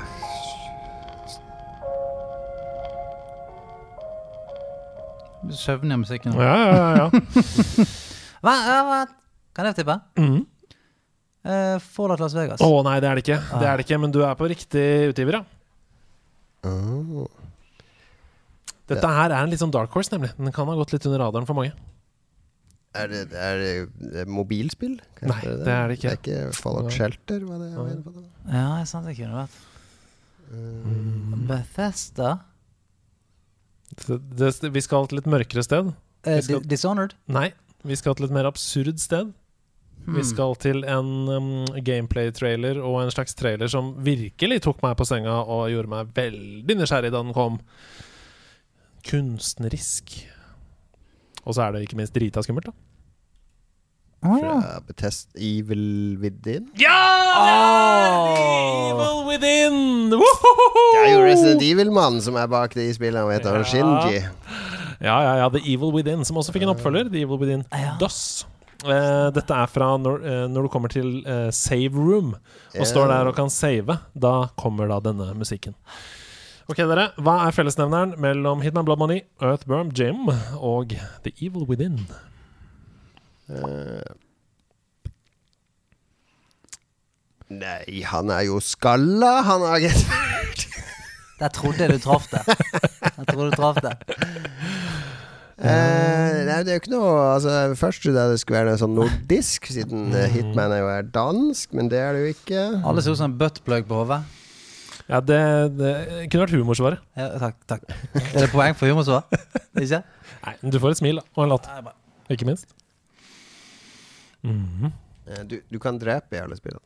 Ja, det kan du. Det er helt riktig. Men det er ikke det som er fellesnevneren. Vi skal nok tydeligere på Vi skal nok tydeligere på det som jeg har spilt av for dere her i dag. Å ja. Ja, ok. Jo, alle de sangene vi hørte nå, er klassiske komposisjoner. Ja, det er riktig! alle, smart. alle spillene har, og alle disse tracksene er kjente klassiske musikkstykker fra eh, virkeligheten, blant annet Claire de Lune, der fra eh, The Evil Within, og fra, fra Earthworm Jim der. Veldig, veldig bra, mine damer og herrer. Det ble 2-2. Det ble 2-2. Du tok The Evil Within, og du tok Nei! Stemmer det ble det. 2-1! Stian, du vant! Stian! Åh! Du var så redd for denne konkurransen, men likevel så vant Men det er du. mye, det er mye igjen. Ja, det er veldig mye igjen. Vi skal rett videre til neste spalte. Mario eller Mordor. Mordor. Mordor. Enda en klassiker. Ikke helt på nivået til den som kommer etterpå, selvfølgelig. Nei. Men, Nei. Vi skal spille Mario eller Mordor, der jeg har valgt ut kjente spillkarakterer. Og dere er nødt til å finne ut av hvem det er vi hører i monitor. Eh, Og rope navnet deres selvfølgelig, og svare hvem det er eh, vi hører. Og fordi det er episode 100, så er det fem karakterer vi skal frem til. Og alle har en connection. Å, wow. Ok. Så det er Kommer altså til å være mentalt utmatt. Det kommer til å være fatigue etter det opplegget. Er det spillet du skal, eller karakteren? Nei, karakteren. Jeg skal kun ha karakteren. Så det er altså fem karakterer her, og det er en fellesnevner mellom alle de fem. Ah. Det betyr at man kan få ett poeng for riktig karakter, og også ett poeng til slutt for fellesnevneren. Her kommer den første oppgaven. Spiss ører og rop navn når dere vet hvem det er. Won't know until you try. Come on, a spoonful for daddy. Jon Cato. Det må jo være Snake. Det er det ikke. Det er ikke Jeg, Solid jeg, Snake. jeg, jeg, hadde jeg sagt, uh, sagt det litt tidligere, så hadde jeg trodd det, men spoonful for daddy Har ikke hørt Snakey Boy si det. No, until you try. Come on, a spoonful for daddy. A spoonful for daddy. Um, Ja, du har eh, lov til å svare noe helt fritt inntil Jon Cato Hvis du svarer feil, da. Da er det Jon Cato sin tur igjen. Duke Nukem. Nei, det er ikke det. Hvilke Nå, nå, nå åpner jeg for liksom frijazz her. Nå er det bare mulig å slenge ut, uh, slenge ut ting. Det er oppi eh, Jeg vet det, jeg kjenner igjen stemmen. Få den en gang til. Ja, her kommer den en gang til. Won't know until you try. Come on, a spoonful for daddy. Ja, det er så kjent. Ja, det er veldig kjent. Det er helt riktig. For daddy. Jeg valgte jo kanskje det, en voiceline som ikke er den mest avslørende også. Jeg kunne, jeg kunne uten tvil valgt andre voicelines her. Kan jeg tippe? Mm. Er det Doom-protagonisten? Nei, det er det ikke. Det er ikke Doom Guy. Det er det ikke. Helvete, da. Ja, det står helt blankt. Ja. Men jeg har på følelsen at det er sånn et køddent spill. Nei, det er ikke det. Det er ikke køddent i det hele tatt. Spoonful for daddy. Det mener han helt, helt seriøst. Han skal gi noe. Um, de- den personen som han gir dette til, er redd for at det vil skje noe med uh, han hvis han spiser dette. Og så kom igjen, da. Spoonful for daddy. Så går det bra. Det kommer til å gå bra, jeg lover. Det er liksom situasjonen der. Altså, vi kommer til å klikke når vi hører det, sant? Ja. Kaster dere inn håndklær? ja, eller Bare kom med noe. Sleng ut det første dere tenker på. Max Payne. Det er ikke Max Payne. Eh, Nei eh, John Marston. Det er ikke John Marston. Dette er Gerald fra The Witcher Ah, 3! Jesus Christ. Come on, a spoonful for daddy! Det er han stemmeskuespilleren de kan pensjonere nå, fordi at de kan bare generere stemmen hans. Ja, ja. Veldig sant. Tenk på det. Generic voice guy. Ja. Fra Gerald i The Witcher 3 så skal vi videre til neste oppgave. Husk å rope navnet deres. A pity you rarely take targets alive. Jon Cato. Det må være Darth Vader. Det er riktig! Det er Darth Vader fra Star Wars Battlefront. Battlefront, Helt ja. riktig. A pity. A pity you rarely take targets alive. Mm, fin stemme der. Nå tenker dere kanskje hva er connection mellom Darth Vader og Gerald, da? Ja, det får dere fortsette å tenke litt på mens vi går til neste oppgave. Gee, it sure is boring around here. Uh, Conquer. Det er ikke Conquer. Er, er det en av Jeg husker ikke navnene på dem. eh, Er det, de, er det tre stykk i hovedrollen i det spillet? Nei, det kan jeg ikke si. Okay, det er, det er ikke det. Dette er et av svært få spill hvor du hører denne personens stemme. Og jeg tror nok at de fleste vil si at dette er ikke stemmen til vedkommende eh, på ekte. Gee, it sure is boring around here. Er det Link? Det er Link fra Zelda CDI på Sega CD! Kødder du? Er det Link som er trøtt tenåring? It sure is boring around here. Det er Link Nei og nei fra og nei. det Du har, mest Takk skal du ha, Andreas. Nå kommer det alltid Link til å høre Ja. sånn ut i hodet. Du har ødelagt det. Fucka det for oss. ja, Fra det mest forferdelige Zelda-spillet som selvfølgelig er produsert, som vi aldri må snakke om igjen. Men vi går videre, vi. I'm really neste angry at Ganondorf. Goddamn Ganondorf. Gee whiz. Ok, vi skal til neste oppgave. Let us finish this. I tried to warn you. Your end awaits.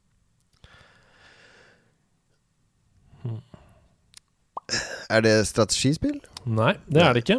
Ja, var- Revenge. Men ja, vi hører jo, det er jo åpenbart en dialekt her, ikke sant? Dere hører jo, det er, noe fe det er på en måte noe off med engelsken. Vi kan, få, vi kan få den en til. Let us finish this. I tried to warn you. Your end awaits. Uh, ja. Det, dette er Call of Duty. Å nei, det er det ikke. Ikke det? Nei. Eh, Du tenkte østover, du. Altså Madaraja. Er Ja, ja, ja, ja, ja. Vi skal lenger sørover enn det, altså. Sørover. Mm. Jeg kan si at uh, disse voicelinesene er ikke hentet fra denne karakterens naturlige habitat. What?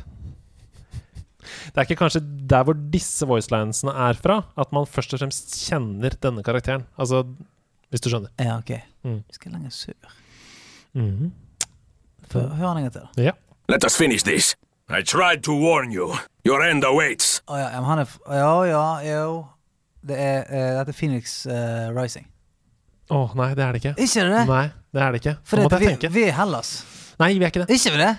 Nei, vi Jeg er, melder meg ut på fra hele jævla Vi er, vi er i et land der man pleier å synge When the moon hits the eye Like a big pizza pie, it's amore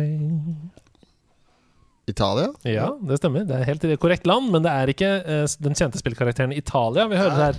Det er ikke Mario. Nei. Det hadde vært fantastisk. Mario CDI. Your end awaits! Mario. Uh, er det fra Assassin's Creed eh, 2? Enzo eh, Ferrari? Det er ikke Enzo Ferrari, men det er Enzo, Du har- han har det. Det er Enzo han heter, er det ikke Nei. det? Nei. Ikke det? Nei. Alt, Alter er han Nei. i første. Desmond Miles. Du skal få poenget, men han heter Ezio. Ezio, selvfølgelig. Auditore. Ezio Auditore. For når du sa Enzo, så bare Ja, det er jo Han vil alltid være Enzo Ferrari for meg. Du gjør det særdeles godt her nå, Faen, ass. eh, Jon Nå har jo jeg Cato. tapt. Du har tre. Nei da, fordi det er en fellesnevner her også, eh, så det kan vi løse på en måte. Her kommer siste oppgave. All I remember is what I have lost. Shadow of Mordor. Nei. All I remember is what I have lost. Gud bedre så lite man får gå på. Ja, det kan være hva som helst. Ja. Er det, kan vi komme inn på sjanger? Er det noen fighting-spill, eller Det er ikke fighting. Det er um, action-adventure. Mm. Er det protagonisten? Oh, yes. Ok, ja. Dette er det. All I remember is what I have lost. Er det Kratos? Det er det! Holy shit! Det er Kratos fra God of War 3! Ja, ja. Så det er jo litt uh, tilbake i tid her. Det er ikke nye Kratosen. Nei. Det er ikke Boar. Jeg Men dere. Gerald, Darth Vader, Link, Ezio Auditore og Kratos. Hva er fellesnevneren mellom disse fem karakterene? Det er ikke samme stemmeskuespiller? går det? Nei da. Nei. Det er det definitivt ikke. de For det Ja. Altså, det, det Alle, alle er serier? Ja, det er det jo, men, men eh, det mm, Det er ikke det jeg skal frem til.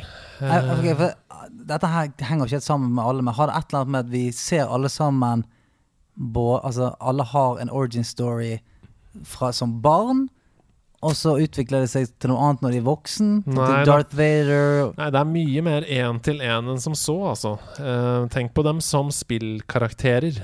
Bare um, Alle har sverd. Nei, det har de faen Nei. ikke. Jeg kan si at um, jeg skal fram til noe som jeg har hintet om i denne konkurransen allerede.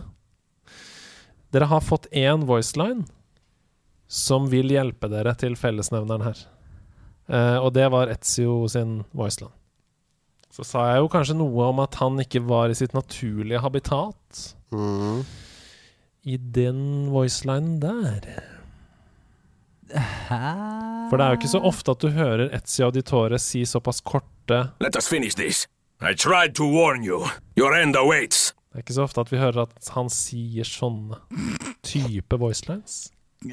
Alt uh, eh, Alt er sendt over kom. Koms. Nei, jeg må nok hinte litt mer her. Eh, alle disse dukker opp i eh, samme serie av et spill. Hæ? Uh, Soul Caliber. Det er riktig! Alle disse karakterene kan du spille som i Soul Det Caliber-spill! Er ikke det helt insane? Ja, det var bra. Det var veldig bra fellesnevner, faktisk. Oi, oi, oi. for, Det, for det var det som hvis du kjøpte PlayStation-versjonen. Ja. Da fikk du Darth Vader. Var ikke det det? Ja, og du fikk Yoda igjen. og Ja, ja. sånn, og du fikk, det, det kom med Star Wars-figurer, og det kom med en med Spawn. Den der Stemmer. Tegneseriefiguren. Ja. Faen, der var du god. Der, der var du eh, der Jeg ble pisset på. en episode av Mario eller Mordor som er episode 100 verdig, vil jeg si. Ja, Vi eh, går- Ikke for meg. Vi går videre. Goomba eller Gondor? Wow! Oi, oi, oi! Der kom frysningene! Oh. Der kom frysningene. En, en skikkelig konkurranse her. Endelig! Åh, nå våknet jeg. Men du, eh, ta av musikken litt. Ta musikken litt. Du, for Før vi går videre i konkurransemodus, eh, så må jeg bare bryte inn litt her. grann. Vi må få litt luft rundt oss. For det at eh, Jeg vet ikke om du har glemt det, men du har jo bursdag på torsdag. Ja. Stemmer ikke det? Jo. Da blir du stor Nei, gutt. nå, nå orker jeg Jo, jo. Hva skjer nå? Nei, nå, er, nå skal vi feire litt grann bursdag. Nei, tenker nei, nei, nei! nei. Også, Jo. opp, i vår bursdag òg. Dobbel bursdag. Ja, dobbel bursdag. Eh, vi, vi kan ikke la det gå eh, forbi. Og her er jo det selvfølgelig eh, ikke jeg som er den største pådriveren, men det er jo laget. Dere som er. selvfølgelig har sittet og eh, hatt lyst til oi, å oi. gjøre stas på deg òg. Eh, så det er jo masse greier i sving her. Men jeg at vi skal bare begynne med det, med det, det, det som er nærmest og best. Jeg Og en- Jeg ser rundt meg i villrede. Ja. Hva skjer her nå? Ja, det er jo en liten eh, Det er jo rett og slett en liten hilsen eh, Ja. fra, fra laget. Så bare gi meg ett sekund her, så skal jeg finne det. Ok? Ok, Andreas. Er du klar for det som er en hilsen eh, En hjertevarm hilsen fra laget ditt? Selvfølgelig! Da Herlighet. Jeg vet ikke om jeg orker det, men Da kan du ta på den sangen som heter Secret Secret. Onsdager har aldri vært det samme etter 11. april 2019. Stian starter en podkast og trenger en makker, Jeg måtte finne en mann som er dobbelt som nerd som han. Personen valg, eh, valget landet på, ble først introdusert som en sidekick og produsent, men nå, etter 100 episoder, har han blitt så mye mer enn det. Både i podkasten, for Stian og for oss. Kjære Andreas. I de aller fleste tilfeller omtales du jo ved etternavnet ditt. Men for å gjøre dette litt mer personlig, så tenker vi at det er passende å si Andreas. Hvorfor er det så viktig at det er så personlig, tenker du kanskje? Jo, fordi du er selve personifiseringen av hva nerdelandslaget er, og hva vi står for. Du brenner for spill og gaming, du har et genuint ønske om å inkludere alle, uansett hva de liker å nerde på. Du vil at alle skal ha det bra, og at alle skal ha det bra sammen. Og det er unikt. Han er så forbanna god på å snakke med folk. En mann vi setter stor pris på, har enorm respekt for, og som vi blir genuint glad i. Dette er blant tingene spillerne på laget sier når de får beskjed om å beskrive deg. For vi på laget har virkelig lært å kjenne deg. Uansett hvilken plattform man tar kontakt på, så er du der. åpen og inkluderende. På treff, på stream og ikke minst på Discord. Han er jo ankeret mitt, løvetemmeren, fyren som fikser når jeg roter det til. Han er healeren, og jeg er den skyteglade DPS-eren, forteller Stian oss. Du er jo tross alt mannen som temmer ville gjester også. Det er ikke så rart man blir, blir glad i deg, Andreas. En person med et fantastisk godt humør og personlighet som er god tvers igjennom. Å være så reflektert, problemløsende og diplomatisk til enhver tid er virkelig en superkraft. Selv med en munnrapp bergenser som stadig forsøker å vippe deg av pinnen. Han sier det er bare en fasade, han er egentlig helt sinnssyk.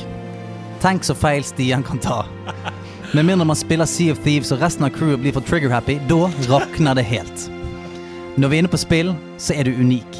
Du har kunnskap, et leksikon verdig, du har en enorm kjærlighet for dette mediet og en helt fantastisk evne til å få oss til å ville spille det du spiller. Måten du snakker så varmt og beskrivende om de spillene du elsker, får oss til å tro at vi nesten har spilt de sjøl, selv om vi aldri har hørt om det. Selv om du i barndommen ikke hadde konsoller sjøl, så kan vi takke alle kompisene med dobbeltnavn for at du har blitt den du er i dag. Du er selve stemmen for oss nerder i Norge, og mener sterkt at det å være nerd er normalt. Noe det i all høyeste grad er. Din kjærlighet for musikk skinner over i podkasten og på oss. Den utrolige egenskapen til å lage sanger og musikk ut av nesten alt gjør at hver episode av Nederlandslaget kan bli en musikal. Aldri slutt med det. Aldri slutt med din deilige lille sykdom. Og på slutten her et lite dikt. På laget er vi aldri alene, fordi Discord har blitt vår scene. Vi er laget ditt i ryggen, selv når du holder deg i skyggen. Eh, Vi hører at du ikke tåler sol så godt.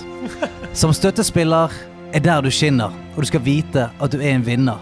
Så takk til deg, vår kjære, for at du er i vår nerdesfære. Gratulerer med dagen på torsdag. Alle trenger en hedokado i livet sitt, og tusen takk for at du er i vårt Hilsen laget.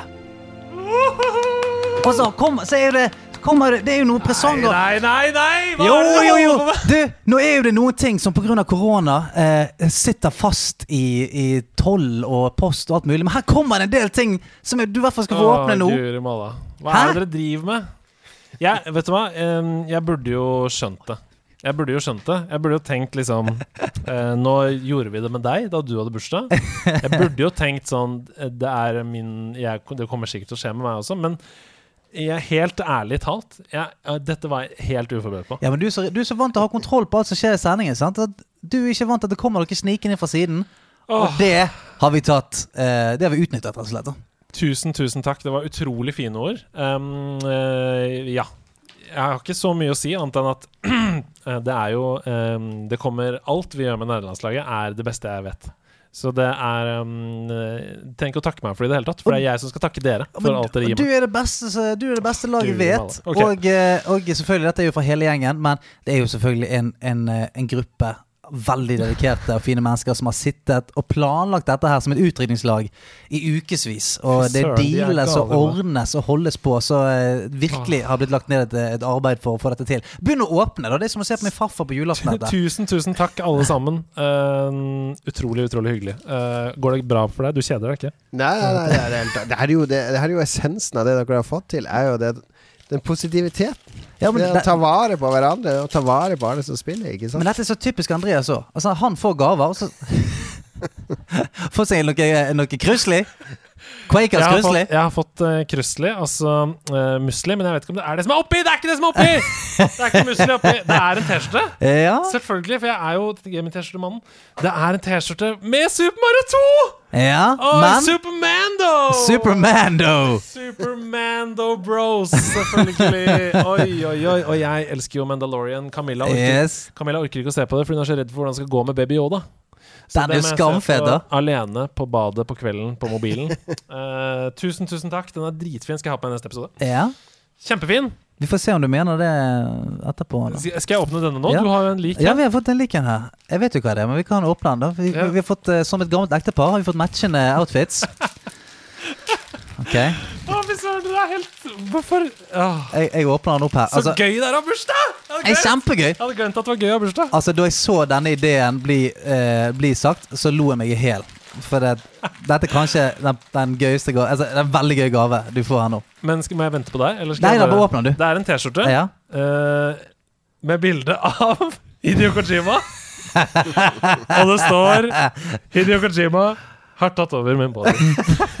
Så har vi matchene her, da. Det er nydelig. Til når vi skal lage bandet vårt, selvfølgelig. Det er Hideo Kojimas. Det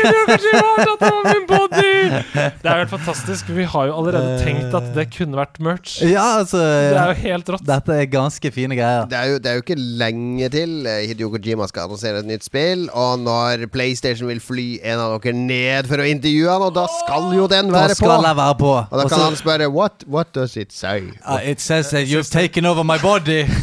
Og så blir det sånn It's an intern job. Så blir det veldig sånn Du er sånn Sånn Ja, ja. Altså Bodyguardene kommer til å takle det, i hvert fall. Men er det noen som setter pris på den absurditeten i den situasjonen? Med den T-skjorta med hans fjes på, så må det jo være Hideo Kojima. Ja. Ja. Okay, jeg åpner What does it all mean? Jeg åpner denne en eh, metafor. svære Hva er dette, da? Her er det en Å! Oi, oi, oi, oi, oi! Det har jo formen til det jeg er så glad i! Ja. Nemlig spillmusikk på vinyl! Å, jeg trodde det var pizza. Okay. Det er en teipa igjen eh, boks her. Jeg bare ripper den opp her, jeg. Sånn at ikke dette tar hele Å, shit! Det er Ori and the Will of the Wisps på LP! Yes. Shit! Jeg har bare Blind Forest fra før.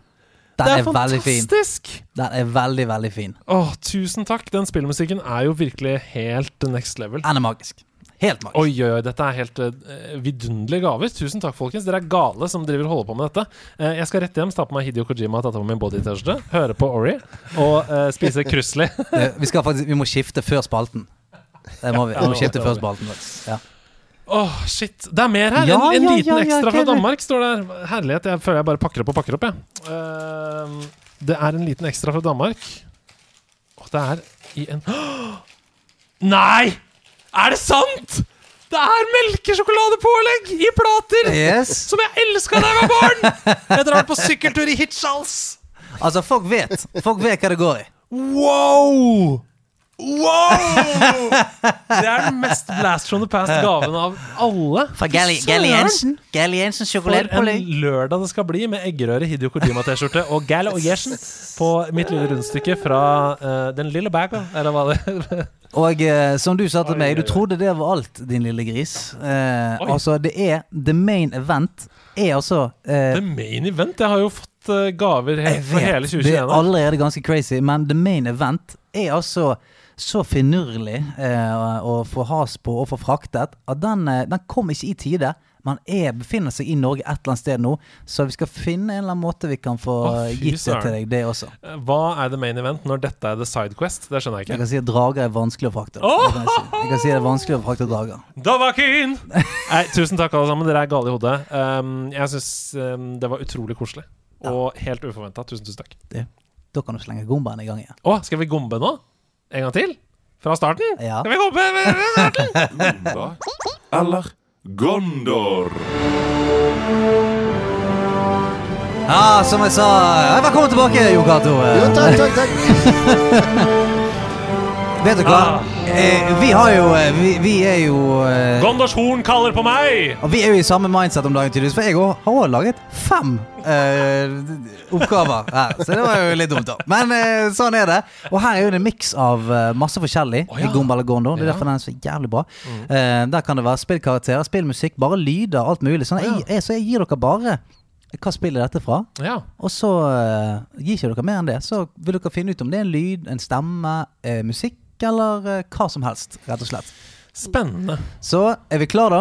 Ja, jeg er veldig klar, jeg. Spissa ørona. Klar, klar. Ok, og vi må fortsatt rope navn, ikke sant? Ja. Ja, ok. Er, er du ny, er du ny, eller? Hvilket spill er dette? Det er uh... Mm. Andreas, Ja? er det Pokémon? Nei. Nei. Uff, da står det se- Ok. Skal jeg ta den en gang til? Ja, du kan bare spille den i det uendelige hvis du vil. Åh. Å, jeg vet hva det er, Andreas! Det er når du velger i menyen i Final Fantasy. Det stemmer! Det stemmer! Good catch. Yes! Quick, quick, quick Yes. Men det er fordi jeg nettopp har spilt Final Fantasy 7 originalen Ja, på ja, SNES ja, for første gang i mitt liv.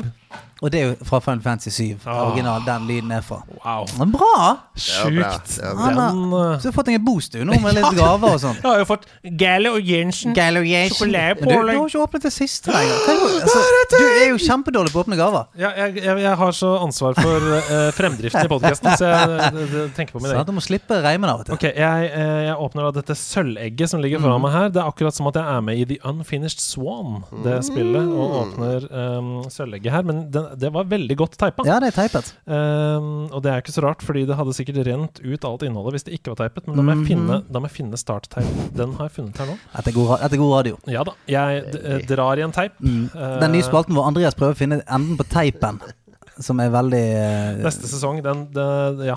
Begynner å gå tom for ideer. Syns dere har mye spalter til å være 100 episoder? Hva er den mest kortliva spalten dere har hatt? Eh, ja, hva kan det være? Vi har hatt et par som vi bare ganske tidlig har tenkt sånn Nei, dette, vi kan ikke ha denne her. Jeg tror kanskje uh, Dette har vi lært. Har vi kanskje, Ja, dette har vi lært, da røyk vi. Vi lærte jo ingenting. Uh, og eh, nei, og Spillklubben var vel bare en, en sesong, tror jeg. Og, altså, for det, vi hadde jo sånn Ja, spillklubb. Vi kan spille, spille et spill hver uke.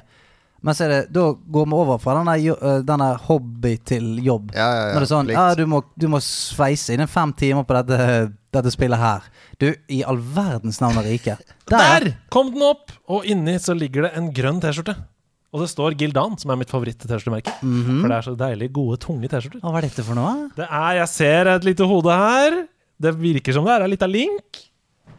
Oi, det er Link fra selvfølgelig Windwaker, det koselige lille Zelda-spillet. Han spiller på en Han spiller på Han spiller på en Nes Han spiller på en Nes-kassett. Ja, sant? Det er sånn med, da, for du vet du må blåse i den. Det er det, sant? Når spillene ikke virker, så skal du blåse i kassetten og blåse inn i luka. Shit, folkens, dere har levela opp nederlandslaget sine videosendinger framover. Eh, det blir mye deilig Ja, det blir mye til. Og her kommer oppgave to. Ja.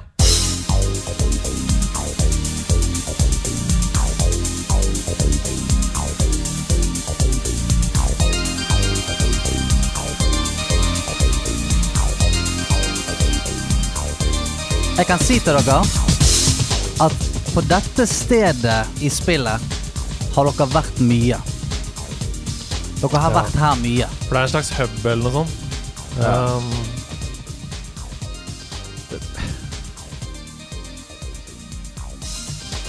Vi snakker rollespill her.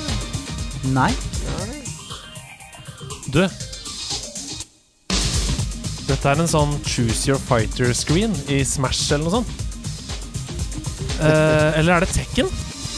Choose, bestem hvilken fighter du er i Tekken. Har du sagt navnet ditt? Andreas, Ja. er det bestem hvilken fighter du er i Tekken? I hvilket tekken da? Tre? Sju? Nei, jeg vet ikke. Ja, du skal få poeng for den, men det er Tekken 2 eh, Character Oh. Selection Screen. Yes! Er det mulig? Jeg er bedre enn dette enn jeg trodde sjøl. Ja, veldig god. Wow. Ok, du får eh, Ja, du skal få poeng på den. Eh, Ja. Her er nummer tre. Du må være streng òg, da. Ja da, men du får poeng. Ok. Da er bursdag.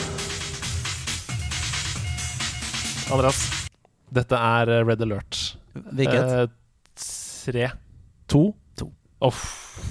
Red Alert 2, men er det, er det menyen? Ja. Ja. det er menyen. Når du starter spillet? Ja.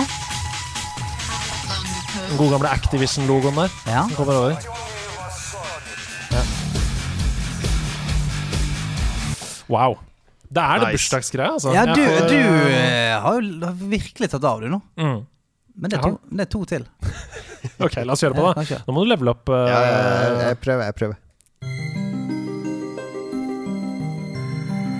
Hvilket spill er dette, da?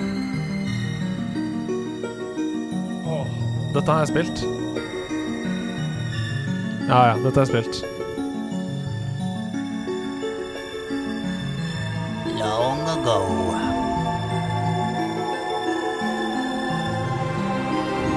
Mm, det er veldig fint. Ja, An ancient night arises. Andreas? Mhm. Er det Shovel Night? Nei. Hmm.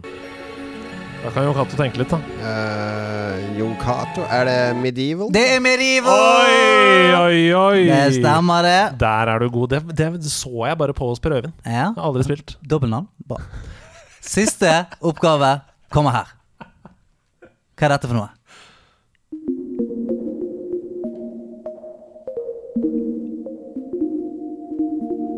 Hva er det vi hører her? Andreas, Ja? er det Spore? Nei. Å, det kunne det vært. Ja, ja. Det er en sånn grotteassosiasjon jeg får. Legg merke til spørsmålsstillingen. Hva er det vi hører her? Hvor, hvor er vi hen? Andreas, Ja? er det The Cave? Spillet til Nei, for vi OK. Drypp, drypp, drypp. Jeg kan si at dette er ikke, dette er ikke et spill. Oi. Ja, Jon Cato. Det er Vi, Nintendo Wii-menyen. Hvilken Wii? Eh, nei, det er nok Wii U. Ja, det stemmer det! Det Wii U-menyen! du. Det stemmer det! Oi, oi, oi, oi. Det stemmer det. Da ble det så to-tre til slutt. Yes! Det er bursdag, det skulle bare mangle. Ja, ja. Ja. Vi har jo snakket om dette på for... Altså, veldig grei mann, har vi sagt. Men, men Stian, du er klar over at vi nå, som et på en måte endelig siste stikk, begge to nedsavlet Jon Cato i Mario eller Morder? Nei. Vant ikke du? Jeg ble jo drept Jeg har, jeg har ikke peiling på noen ting i dag! Det var skrubblyden du vant jeg ble jo drept i Mario eller Moro. okay, okay. du ok. gjorde i hvert fall en liten redemption på seg. Ja, da har vi, da har vi en seier hver, da, foreløpig. La oss gå videre da for å se om nerdelandslaget kan utfordre dere.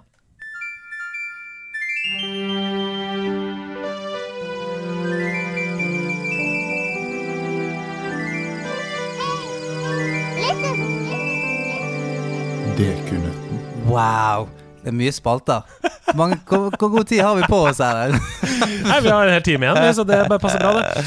Eh, I DQ-nøtten så er det jo sånn at eh, tidligere gjester har lagt igjen DQ-nøtter til nye gjester. Men Ja. det er også sånn at gjesten selv har forberedt en nøtt til oss. Men først ut så er det jo, fordi dette er episode 100, Nerdelandslaget som har forberedt nøtter til dere. Så først ut er altså Skardoodle med en DQ-nøtt til dere to. Er dere klare til å svare på dette? Skal få Eh, Google, Google skal få Mm, Ja. I Pokémon-serien så er det mulig å ha to typer på én gang. Dette kaller vi dual types. I et eksempel på dette er Gengar, som har typen Ghost slash Poison. Eh, der Ghost er primær og Poison er sekundær type. Før generasjon 6, altså X og Y, så var det kun én type som aldri dukket opp som primærtype. Hvilken? Er det sånn biologiprøve? Ja. Det er sånn primærtype og sekundærtype. Her blir det veldig særkunnskap for Ja. det. Ja. Altså, en, en, skal eh, være tøff. Ja, for en, eh, en ting som forsvant på et Ja. tidspunkt, var jo Fairy. Ja. Fairy var, altså, først var jo sånn, sånn som Clefairy og Jigglypuff og sånt, de var jo normal Pokémon. Og så ble de Fairy-Pokémon på et, et eller annet tidspunkt. Og nå er, nå er det vekk igjen. Nå, nå finnes ikke Fairy lenger. Så jeg lurer på om kanskje det kan være Fairy, fordi at eh, det tror jeg ikke hadde. Ja. Var det noe som het Mystery-Pokémon? De der med spørsmålstegn? Jeg syns jo by the way, dette er veldig hyggelig. At nå er det på en måte dere to på lag Ja. mot Ja. nerdelandslaget. Dere blir utfordret av NL. Nei, Mm. jeg, jeg, jeg var akkurat for gammel til å liksom være Ja. med på Pokémon-bølgen. Der, der er du yngre enn mest. Igjen. Ja, akkurat der, jeg har jo nerdet litt Pokémon, men altså, Ja. forstår, det står mellom Fairy og som, som aldri har vært sekundær? Eller? aldri, Aldri har vært primær. primærtype. Aldri har vært primærtype? Nei. Å, ja, da ble det noe annet, vet du. Før da et generasjon 6, altså før X og Y. Etter det så har den dukket opp som primærtype. Men, men um, fram til det så var det kun sekundær. Det, det kan være Dragon, for Dragon òg forsvant. Uh, og da var det type sånn flying Eller Dragon flying Ah, faen! Jeg, jeg, Er flying en, en type? flying var en type, ja. Men det høres jo ikke ut som en primær type. Altså, først og fremst flyr, det er jo en uh, sekundær attributt. Ja, men du er inne på noe der. For det var sånn normal flying, uh, steel flying Kanskje vi skal gå Skal vi gå for flying? Det høres logisk Ja, vi går for flying. Det er riktig. det var bra, det var bra jobbet, ass! Faen, så bra! For et team! Ai, ai, ai. Oi, oi, oi! Flying er riktig! Ai, Jeg ai, hadde aldri trodd at dere skulle greie. Og her kommer en liten tilleggsopplysning. Eh, og NY introduserte altså Noibat og Noivern med typen flying slash dragon. Så da var flying primær for første gang. Wow! Yes! Oi, oi, oi, det er utrolig. 1-0 til dere over nærlandslaget. Ja! Her kommer andre nøtt fra Caroline Mys. I, vi har i flere år snakket om at VR begynner å nærme seg noe, men allerede i 1989 ble et VR-system stilt ut på Texpo Telecommunications Show i San Francisco. Hva het det, og hvor mye kostet et komplett sett, inkludert VR-headset, en slags haptisk hanske og datamaskinene som krevdes for å kjøre systemet? Altså datamaskinene i flertall. Det er all you, Jon Cato. Ja, jeg husker jo ikke hva det het. Det var jo aldri noe kommersielt. Men det var jo da den filmen Lawnmower Man, hvis du husker den, basert på en Stephen King-novelle kom ut. Mm. Den var jo eh, Det var liksom de VR-headsetene da var jo 10 kilo, og du fikk sånn 10-12 frames i sekundet, så du måtte jo stå med spypose når du hadde det på deg. Eh, nei, jeg, kan, jeg kan, Nei. kommer aldri til å klare å huske hva det het. Nei, men dere er gode likevel. Eh, Dette systemet het iPhone. Hæ? Altså I oh, ja. iPhone. iPhone ja. uh, og det kjørte på rundt 5-6 FPS, og det kostet 250 000 dollar. 250 000 dollar? i 1989 dollar. Jesus Christ. Wow! Ok, vi har den siste uh, dekunøtten her fra nerdelandslaget. Den kommer fra Sneak. Uh, Mario, Luigi, Toad og Peach er velkjente personer fra Mario-universet. Men i det rike universet så finnes det en drøss med karakterer. Jeg skal nå nevne tre stykker i rekkefølge, og dere må konkurrere i å være den første til å fortelle hvordan de ser ut. Og den første som jeg vil at dere skal beskrive hvordan ser ut, er Kamek. Vær så god. Ja, det er sånn liten paddeaktig med gult hode, grønn Nei, nei, nei, det er en trollmann. Trollmann, trollmannlue og Han skyter sånn PlayStation-symboler med tryllestaven sin. Er det han? Det er en trollmannkopa med tryllestav oh, som yes. enten er på sopelimet eller uten. Han har jo lest det encyklopediet som ligger her, sant? Fra nå av så trenger jeg navn. Først ut her. Neste karakter er Reznor. Han er flying Pokémon. tror jeg. Reznor. Reznor? Jon, er han den bossen? Den skilpaddebossen som står danser med armene ut til sida sånn, og så går han frem og tilbake, så hopper du på hodet hans, og spinner han litt rundt. rundt. fra Super Mario 3 der, ja. Ja. Nei, det er ikke noe. Hei, Stian. Ja. Eh, hanekam og eh, sverd. Nei. Åh, det er en karakter jeg ønsker meg. Det er ikke riktig. Eh, Reznor er en ildsprutende dinosaurboss som roterer rundt i små slott i Super Mario World. Der hvor det er sånne De ser ut som okser, eller sånn neshorn, som står i en sånn ring, og så går de rundt, så må du hoppe under dem for at de skal bompe ned i lavaen. Det er Reznor. Siste Wiggler. Wiggler. Jon Cato, det er det tusenbeinet som er gult og rødt tusenben Men hva- Jeg tror det er en blomst på hodet, eller noe sånt. Det er en tusenbeinaktig fiende med blomst på hodet. Veldig, veldig bra! Gratulerer. Da tok dere Satan. dekunøtten din, Jon Cato. Ja, den uh, har jeg her. Den er til oss. Da skal dere Endelig kan vi være på lag! Hvor sjelden er ikke det? Ja, det er veldig sjelden. Altfor sjelden. Ja. Men denne her tror jeg kan bli stygg. Den kan, det kan bli vanskelig. Det er, det, det er litt sånn blanda drops. Jeg har tatt fem, jeg. Jeg var redd for at episoden ikke skulle bli lang nok, så jeg slang inn fem. Eh, her er bare spørsmål, det er ikke noe lyd. Eh, si navnet først. Ja. Følge standard. Er ikke vi på lag, da? Ja, er dere på lag? Ja, Ja. ja, ja, Ok, ja, ja. ja, det er på lag. I hvilken spillserie Spørsmål 1 altså Hvilken spillserie møter vi Desmond Miles? Det er jo Spiderman. Ma Nei, Desmond Miles, ja. Nei. Desmond.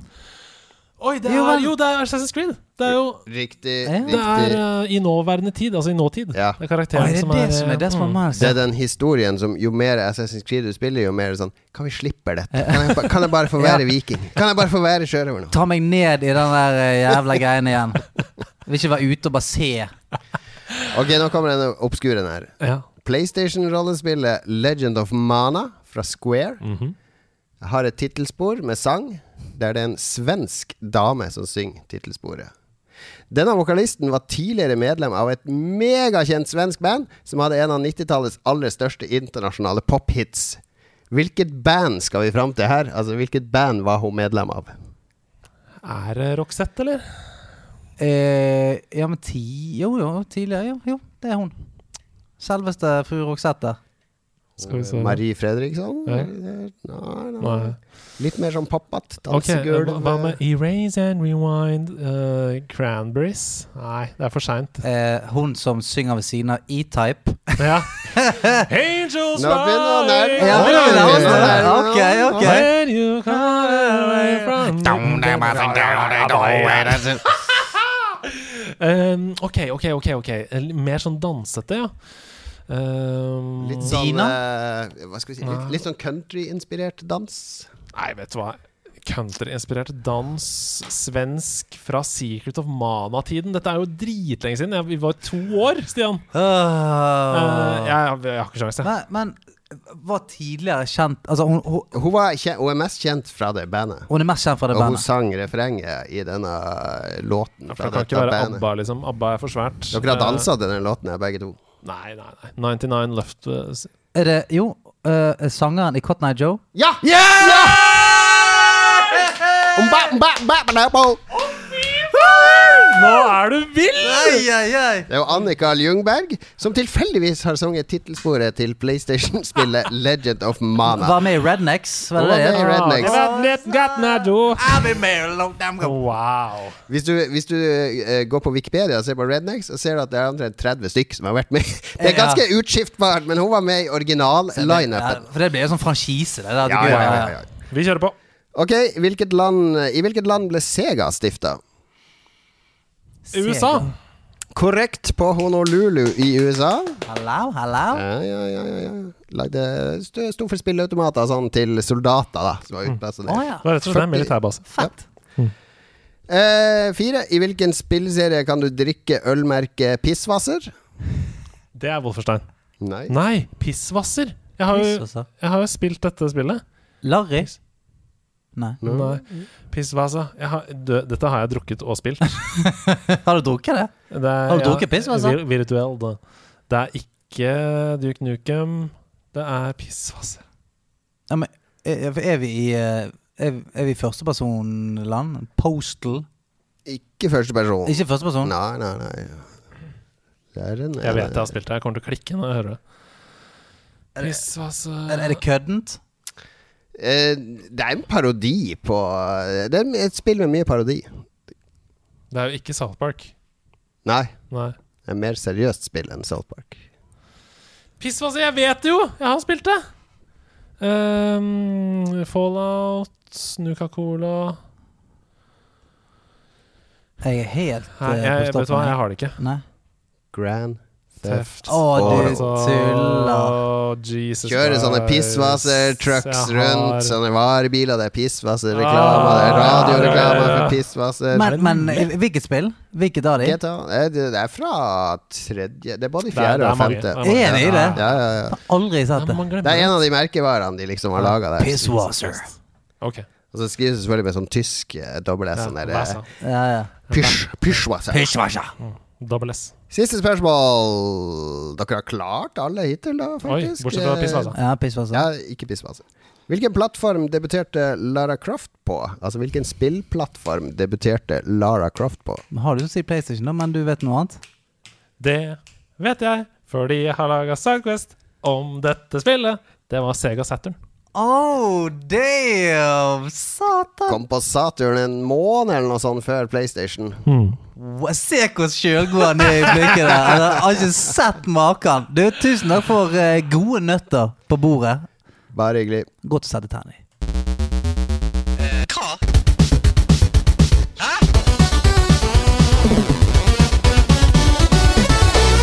Ikke helt i mørket her nå. Ok, vi skal til Bit for bit, og vi er så vidt halvveis i spaltene i denne Nei, nei, nei! I Bit for bit så er det jo akkurat sånn som i Bit for bit på ekte, nemlig at vi stripper ned sangen til at det kun er elementer igjen fra det, og så spiller vi f.eks. av kun gitar, og så legger vi på gitar og bass, og så gitar, bass og trommer, og Men, kanskje det, hele. men det er ikke helt som i Beat for Beat på ekte, for der vet jo de. Der kan jo de alle Ja, det er låtene. så det, er sant. bare, det er bare løgn og fanteri. Her i. Bit for bit så er det en reell konkurranse to the death mellom Mm. dere to. Og vi begynner da altså med eh, veldig minimalistiske deler, og vi skal, vi skal ha hvilket spill denne musikken kommer fra. Mhm. eh, og hvis man klarer det på første ledd, så får man tre poeng, og så mindre og mindre etter hvert som vi må skrelle av lag her. Ok, er dere klare? Husk Mm. rope navnet deres. Dette er den første låta. Hvilket spill skal vi fram til?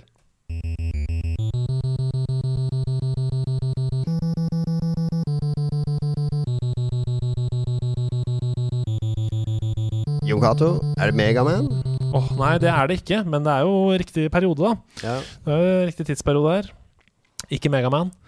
Hva tenker du på, Stian Blipperud? Jeg, eh, denne her syns jeg er jævlig vanskelig. Ja, den er eh, For det her er ikke mye å gå på. Nei. Du, du, du, du, du. Det er bare tempo, på en måte. Mm. Mm. Er, det, er, vi- er vi i typ sånn eh, Altså Nå vet jeg ikke om de var på tidligere konsoller, men jeg ser, jeg ser nesten for meg litt sånn Ace Combat-type uh, Combat-type spill. Wow. Altså sånn eh, fly, flygespill. Ja, Jeg, spilte, jeg spilte sånn eh, Nå vet jeg ikke hva den sjangeren heter, men du er et fly Ja, du er fly, og så, flyr, og så er det bakken under deg, og så er det litt sånn met, eh, ja, uh, Ja, sånn uh, gun, liksom. Ja. Bullet hell, på en måte. Ja. Mm. Nei, det er ikke Nei, det riktig. ikke. Eh, vil dere ha neste ledd, eller? Ja.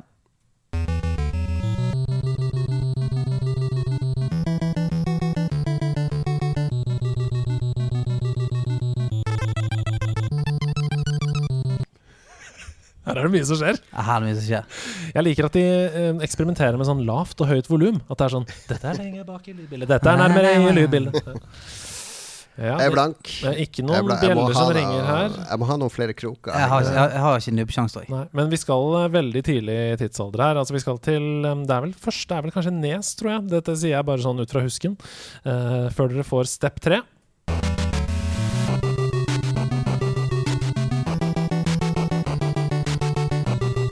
Jævlig fet, da.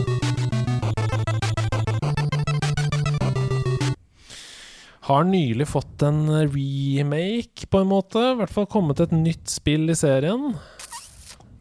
Etter å ha ligget brakk i mange år. Nei, fytti grisefar, da. Mm, Fytti grisefar. Vi skal til en form for dyr Skal til en form for dyr. som er ute og slåss. Tasmanian Devil. Nei. De er amfibier. Mario Kart og Battletoads. Ja! Dette er Battletoads, som De nylig har fått amfibier. Hva kan- faen kan det være? Kunne vært Turtles. Ja, det kunne vært Turtles, Ja, det men kunne det, det vet jeg ikke hva. Ok, her kommer neste oppgave. Første ledd.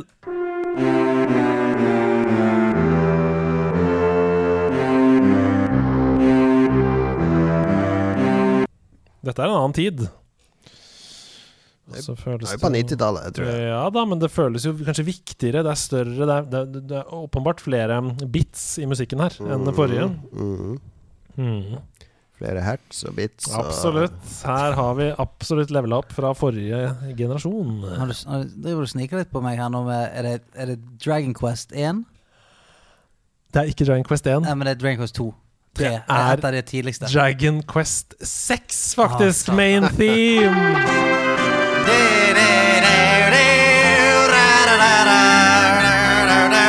Gratulerer med dagen, Norge! Flaggende veier i vinden. Her ser vi kongen og dronningen på terrassen. Kongen og dronningen har tatt turen til Dragon Quest for å slay some dragons. Veldig, veldig bra. Gratulerer, du tok den, og da tok du den på første ledd. som vil si Det var utrolig bra. Ja, Det vil si at du faktisk vinner bit for bit 3-1. Ja, Har vi, har vi gått gjennom alle? Ja, ja, ja, det var to oppgaver denne uka. Så du drar av eh, seieren på Bit for bit før Men nå er du nødt til å ta på deg en viss T-skjorte.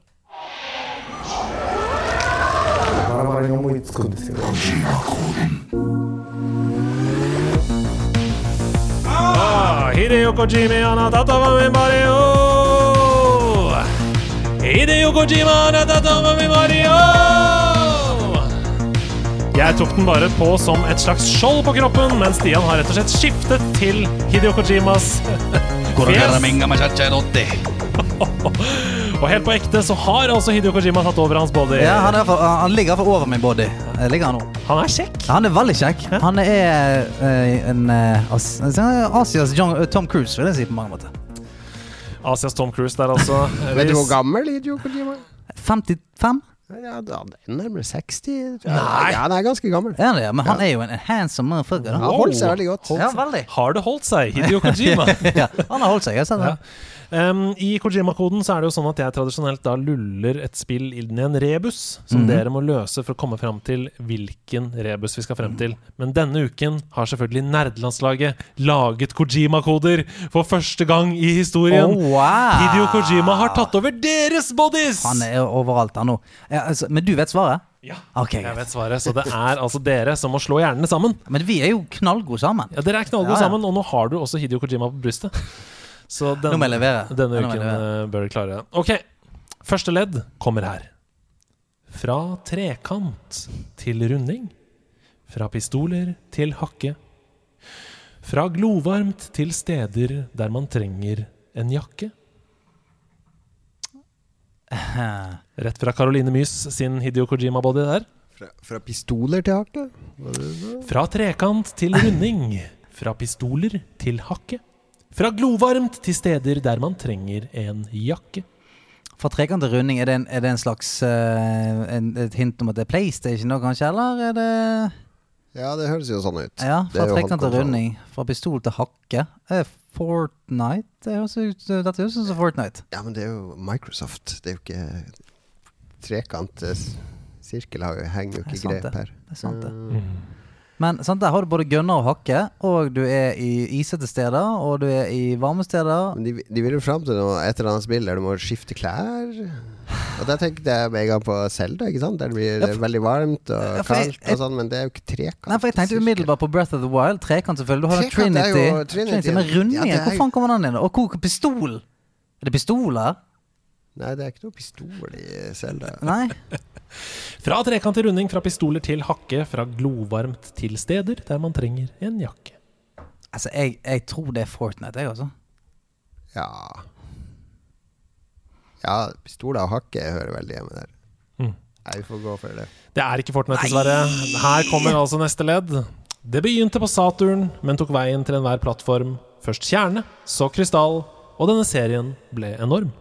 Da, det er Tomb Raider. Core Design, Crystal Dynamics osv. Tenk at andre ledd var det du spurte om! Ja, I det Det begynte på Saturn! Ja, ja, ja. Og fra trekant til runding er et spill på disse pikselerte brystene til Tomb Raider, som gikk fra trekanter til rundinger. Direkte fra eh, Caroline Mys der. Men jeg husker ikke at du hadde hakke der. Jo, Jo, hvis har faen hadde du det i begynnelsen, ja. På, kan klatre. Ja, ja, ja. Mm. Veldig bra. Stemmer. Her kommer andre Kojima-kode. Den kommer fra Snik.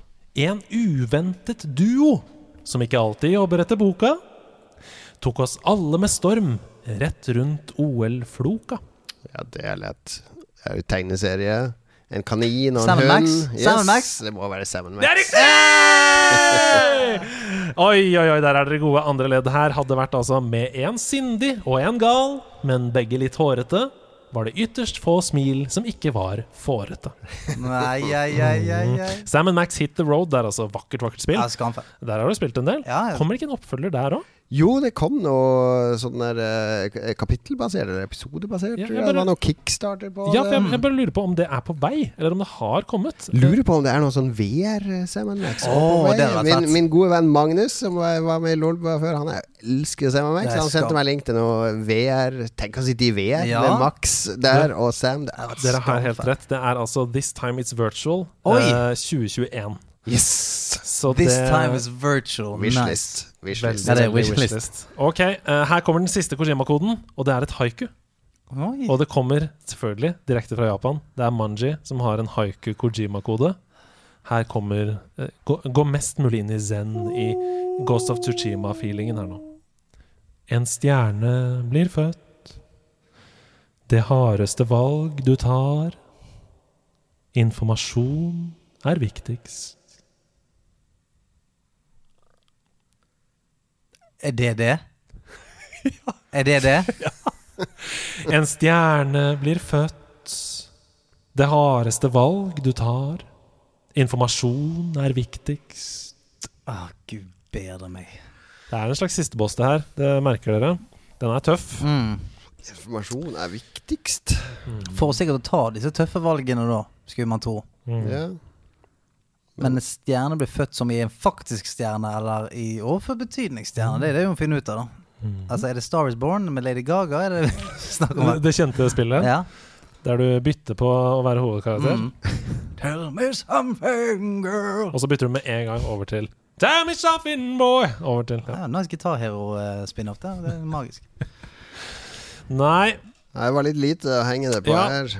Hvis dere ikke har eh, noe, så tror jeg kanskje jeg skal åpne for ledd to. Ja. Og det er, og det Ja, ja. er mer! Ja, ja. Ja, Ok. Kjør på, kjør på. For jeg tenkte Hvis det var hele opplegget, så Nei. hadde det jo vært eh, blitt En stjerne blir født. Det hardeste valget du tar. Informasjon er viktigst. Her kommer andre ledd. Fienden er nær. Den må utmanøvreres. Overhjernen styrer. Ah, Wow. Wow. Er det The enemy is near. Det er, sånn, er det er fra et spill, er det ikke det? Jo. Mm, Manji. Her har du vært god. The enemy is near. Wink, wink, wink. En stjerne blir født. Feeden er nær. Overhjernen styres. Styrer. Den må utmanøvreres. Nei, det er ikke sikkert dette er deres type spill, rett og slett, men det er veldig svært spill. XCOM. Nei, men du er ikke langt unna sånn type i um, Ja, dere skjønner hva jeg mener. Dette er et Blizzard-spill. Ah, ja. Er det Starcraft? Ja, det er. Starcraft vi skal frem til! Oi, oi, oi, oi, oi, den satt langt inne i dag. Men det er jo ikke så rart, fordi det var knallhard Kojima-kode eh, fra Manji. Tusen takk for at du bidro. Vi bare blæster videre, vi! Ja, vi må det.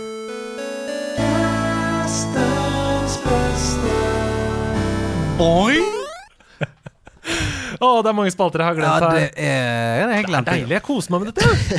Har du noen eh, tips til, eh, til nerder der ute som bare eh, har gått seg vill, trenger noe nytt? Finne ut av. Trenger å berike seg Ja, litt. berike seg, rett og slett. Fylle Litt, på så- det. ja, litt sånn utenfor spillernes verden òg. Ja, det kan òg være. Det kan være alt fra en, en sitron du har spist som var jævla god. Nei, det er veldig riktig uke for det her nå. Ja. Fordi i kveld det her, Ikke i kveld, for det her kommer ut uh, litt senere. Men Ja. på lørdag så kan du Ja. benke deg, for da er det Eurovision Song Contest finale. Og hvorfor er det så viktig? Hvorfor er det en gammel gubbe som sitter her nå og, og fabulerer om at vi skal se på Eurovision? Jo, fordi Eurovision er det eneste konkurransen vi har, det internasjonale konkurransen vi har, som er utelukkende handler om glede. Og det handler ikke om å vinne, det handler bare om å delta, vise seg frem, være fjollete og ha en fest. Og jeg, jeg synes, når, vi, når vi leser om fotball og sånn, ikke sant? Fotballturneringer, det er korrupsjon, det er, skal vi boikotte, skal vi være med, vi skal lage superliga, det er så mye penger. Alt det har korrupert gleden ved å konkurrere internasjonalt. Mens Eurovision det handler bare om å drite seg ut på sine egne premisser, og alle heier deg opp og frem og fester med deg og klapper for deg og er glad for det du leverer. Tenk på det. Ja, det er helt unikt. Det er koselig. Det, er, det er unikt i verdenssammenheng. Det er ikke noe prestisje eller pengepremie eller, Nei, eh, eller rikdom. Det er litt berømmelse. Men det, det er bare Det er en amatørkonkurranse. Der hele Europa og store deler av verden sitter og ser på og koser seg og drikker og danser og synger med og bare har det gøy. Er det noe vi trenger nå? Korona? Negativitet? Dårlig politikk? Altså, det, det er så mye drit i verden at Ja. Eurovision står for meg som en sånn herre totalt naiv og, og inkluderende og glad festting som eh, Du kan være så kynisk du vil, men jeg, jeg anbefaler deg på lørdag. Bare senk skuldrene, bare smil, bare absorber det. For det skal jeg gjøre nå. Det er, altså, mer paljetter og boa i monitor. Ja takk. Mm. Ja takk. Har du noe annet på hjertet, eller var det det? Er det må stå det, står det ut som en slags Nei, men altså, påle? at du er så rolig her nå. Du er jo faen meg en av de Ja, største altså, Eurovision-nerdsene du, om. du preacher jo til the choir her. ja. Altså, jeg sitter jo her bare og ser på klokka fordi det er semifinale i dag når vi spiller inn. Jeg gleder meg sånn til å komme hjem, og jeg har hørt av ryktene at Tix tok av seg brillene Nei på prøvene! Oh, nei oh, nei! Så jeg kan, ikke, jeg kan jo ikke vente med å komme hjem! Å, jeg gleder meg så mye til dette. Eh, så jeg stiller meg selvfølgelig bak hvert eneste ord av det du sier. Jeg, jeg Um, kommer jo fra den generasjonen der vi latterliggjorde det. Der vi, vi kunne ikke se på det. Det var så lite kred, og det var, det var så dårlig, og det var så ræva. Og så Jo eldre jeg har blitt, jo mer har jeg omfavna det, fordi det er den der renheten. Den der eh, inkluderende greia som bare er så fin. sier jo at man blir klokere med åra, og Sier det det. eh, har jo du nå omfavnet. da Og faktisk blitt klokere ved å ta Eurovision inn i varmen. Ja.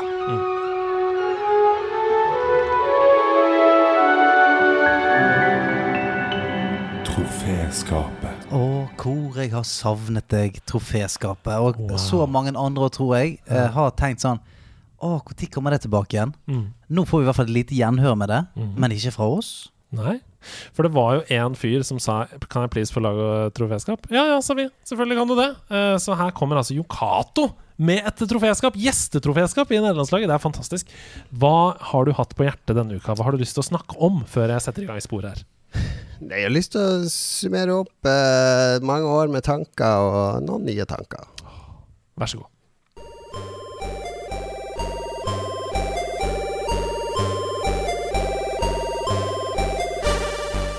Min første jobb med dataspill var i butikkjeden Akersmik på 1990-tallet.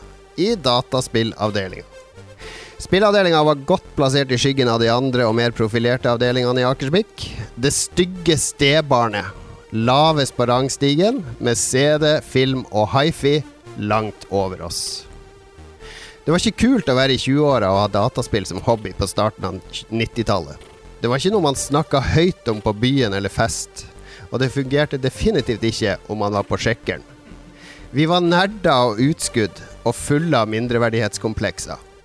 Hobbyen vår var barnslig, verdiløs og vulgærkultur. Men noen av oss ville mer. Vi ville ut av skyggen, vi ville ut i sola, og vi ville vise frem hvilke fantastiske opplevelser man kunne ha med dataspill. Dette trofeet går ut til alle de som har vært med å synliggjøre dataspill som hobby og kulturuttrykk i Norge. De som har stukket nesen fram i media og krangla dataspillene inn i kulturredaksjonene. De som har skrevet bøker og tekster som tar spill på alvor. De som har kasta seg over kompliserte verktøy og forsøkt å lage dataspill. De som har sydd kostymer og lagd rustninger og kledd seg ut som heltene sine fra dataspill. De som har lagt ned frivillige timer for å arrangere LAN, turneringer, game jams og spillfestivaler. De som har modda og koda og miksa og triksa. De som har lekt med chipmusikk og pikselgrafikk. De som har streama og podkasta og youtuba og formidla gleder og sorger og tanker om dataspill. Og blant de aller fremste her så finner vi rett og slett Andreas og Stian, som med nerdelandslaget har tatt spillpodkastene opp fra kjellerstua og inn i hverdagsrommet. Gjennom 100 episoder har nerdelandslaget alminneliggjort dataspill som hobby. Ved å hente inn kjente og mindre kjente personer som med lidenskap og glede har formidla hva dataspill betyr for dem. Nerdelandslaget har blitt en podkast og et community som samler Spill-Norge som fokuserer på gleden og det positive i spill, og som klarer å blande det profesjonelle og det lidenskapelige, sånn at de når ut stort og bredt. Mens det er mange av oss som har drevet med spillformidling i små og mellomstore hjørner av media og internett i mange år, og lagt ned en formidabel innsats i å formidle alt det rike, verdifulle og positive kulturen vår står for, så har nerdelandslaget klart å løfte aksepten av dataspill som hobby og kulturuttrykk til et nytt nivå. I troféskapet denne uka finner vi rett og slett Andreas, Stian og alle som har stått på i mange år med å likestille spillkultur med andre kulturuttrykk.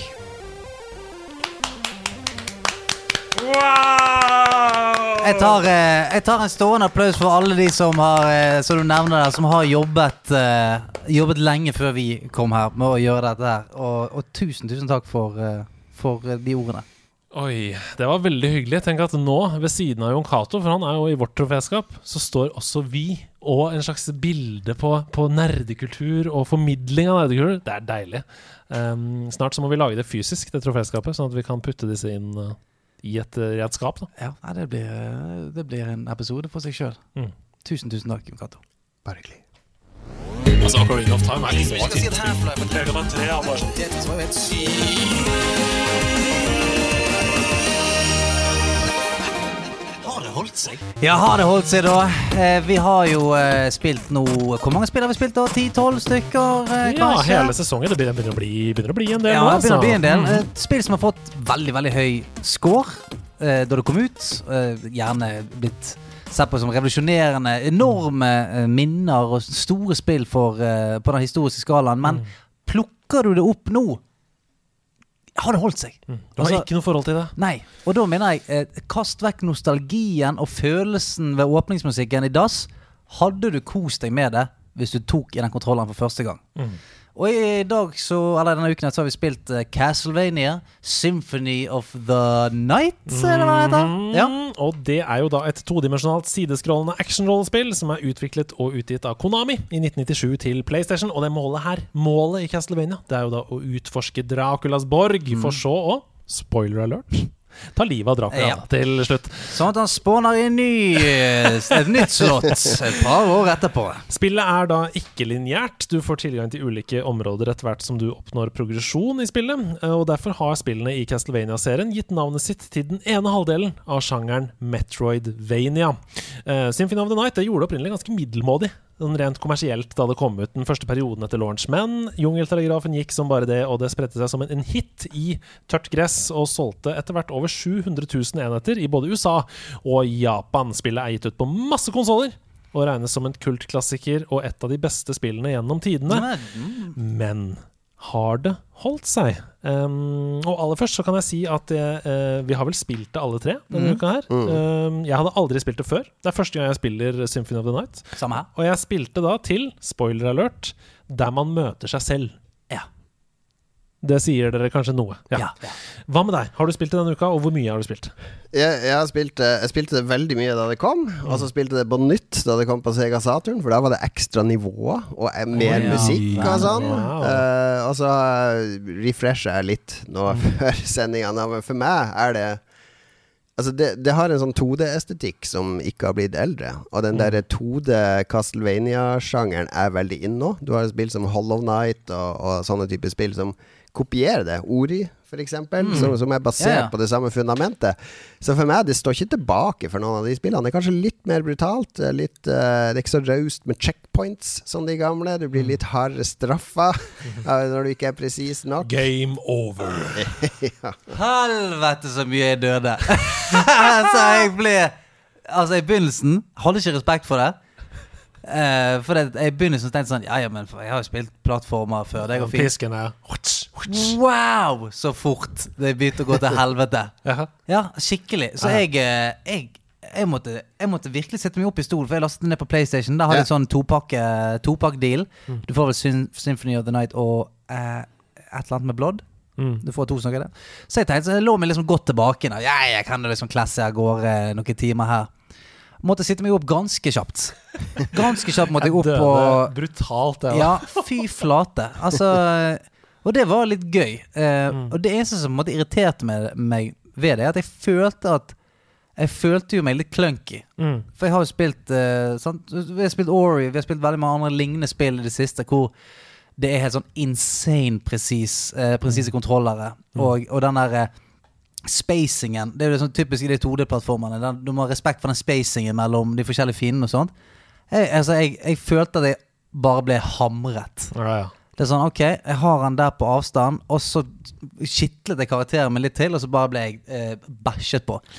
Vi skal jo være forsiktige med å sammenligne alt med Soulsborne-spill, men Mm. jeg opplever jo at de har henta mye inspirasjon fra Castlevania og lignende spill. Ja, altså det var jo, og det var jo litt vanskeligere før òg. Du skulle jo det skulle vare lenge, den investeringa. Det, Mm. det er mye moro i den historikken til det spillet, for det er liksom overgangen fra Snes til disse Mm. nye neste generasjonsplattformene. Og Sony ville vel egentlig ikke gi det ut i det hele tatt, fordi Sony hadde jo et krav på PlayStation at det skulle være 3D. Oh, ja. Basta. Hvis du ser på de første årene på PlayStation, så er det, det er ingen 2D-spill. Det et teit Sony sa nei. Ja, fordi de, deres fremste salgsargument var jo at vi har den beste 3D-konsollen, Ja, og da skal ja. alle spillene Ja, våre eh, være 3D. Så, så Konami måtte krangle for å få det gitt ut, og Sony ville ikke backe det og Oi, noe shit. som helst. Men de mente at du har, du har prøvd 3D Castlevania-spillet på Nintendo 64. Sånn Oi, gikk det når de først prøvde seg på 3D Castlevania. Det var en katastrofe. Men altså, du blir jo kastet ganske sånn eh, Du blir kastet inn i det. For det, det, det er ikke noe sånn Rett på en boss. rett på en Altså, rett, Rett på den der vindelbroa som går Ja, ja. Og det er ingen sånn trykk, trykk på firkant for å slå. Ingenting. Det er bare sånn Her er Dracula. Eh, lykke til. Det går ut fra at du er en del av klubben allerede. Du vet veldig. nøyaktig setting og hva du skal trykke på og gjøre. Og Ja, ja. For det var Jeg, jeg følte jeg bare flaks, jeg. For jeg, jeg eh, altså, man kan ta, Det er ikke noe spoiler alert, det er faen meg en 100 år gammelt spill. Men du begynner rett på, så er det Dracula, og det er veldig sånn Hey, Dracula, I'm gonna kill you! Stemmeskuespillet er drit. Det må vi bare si. Ja, ja, for det er sånn Dracula, I'm gonna kill you! No, I'm gonna kill you! Og så er det fight med en gang.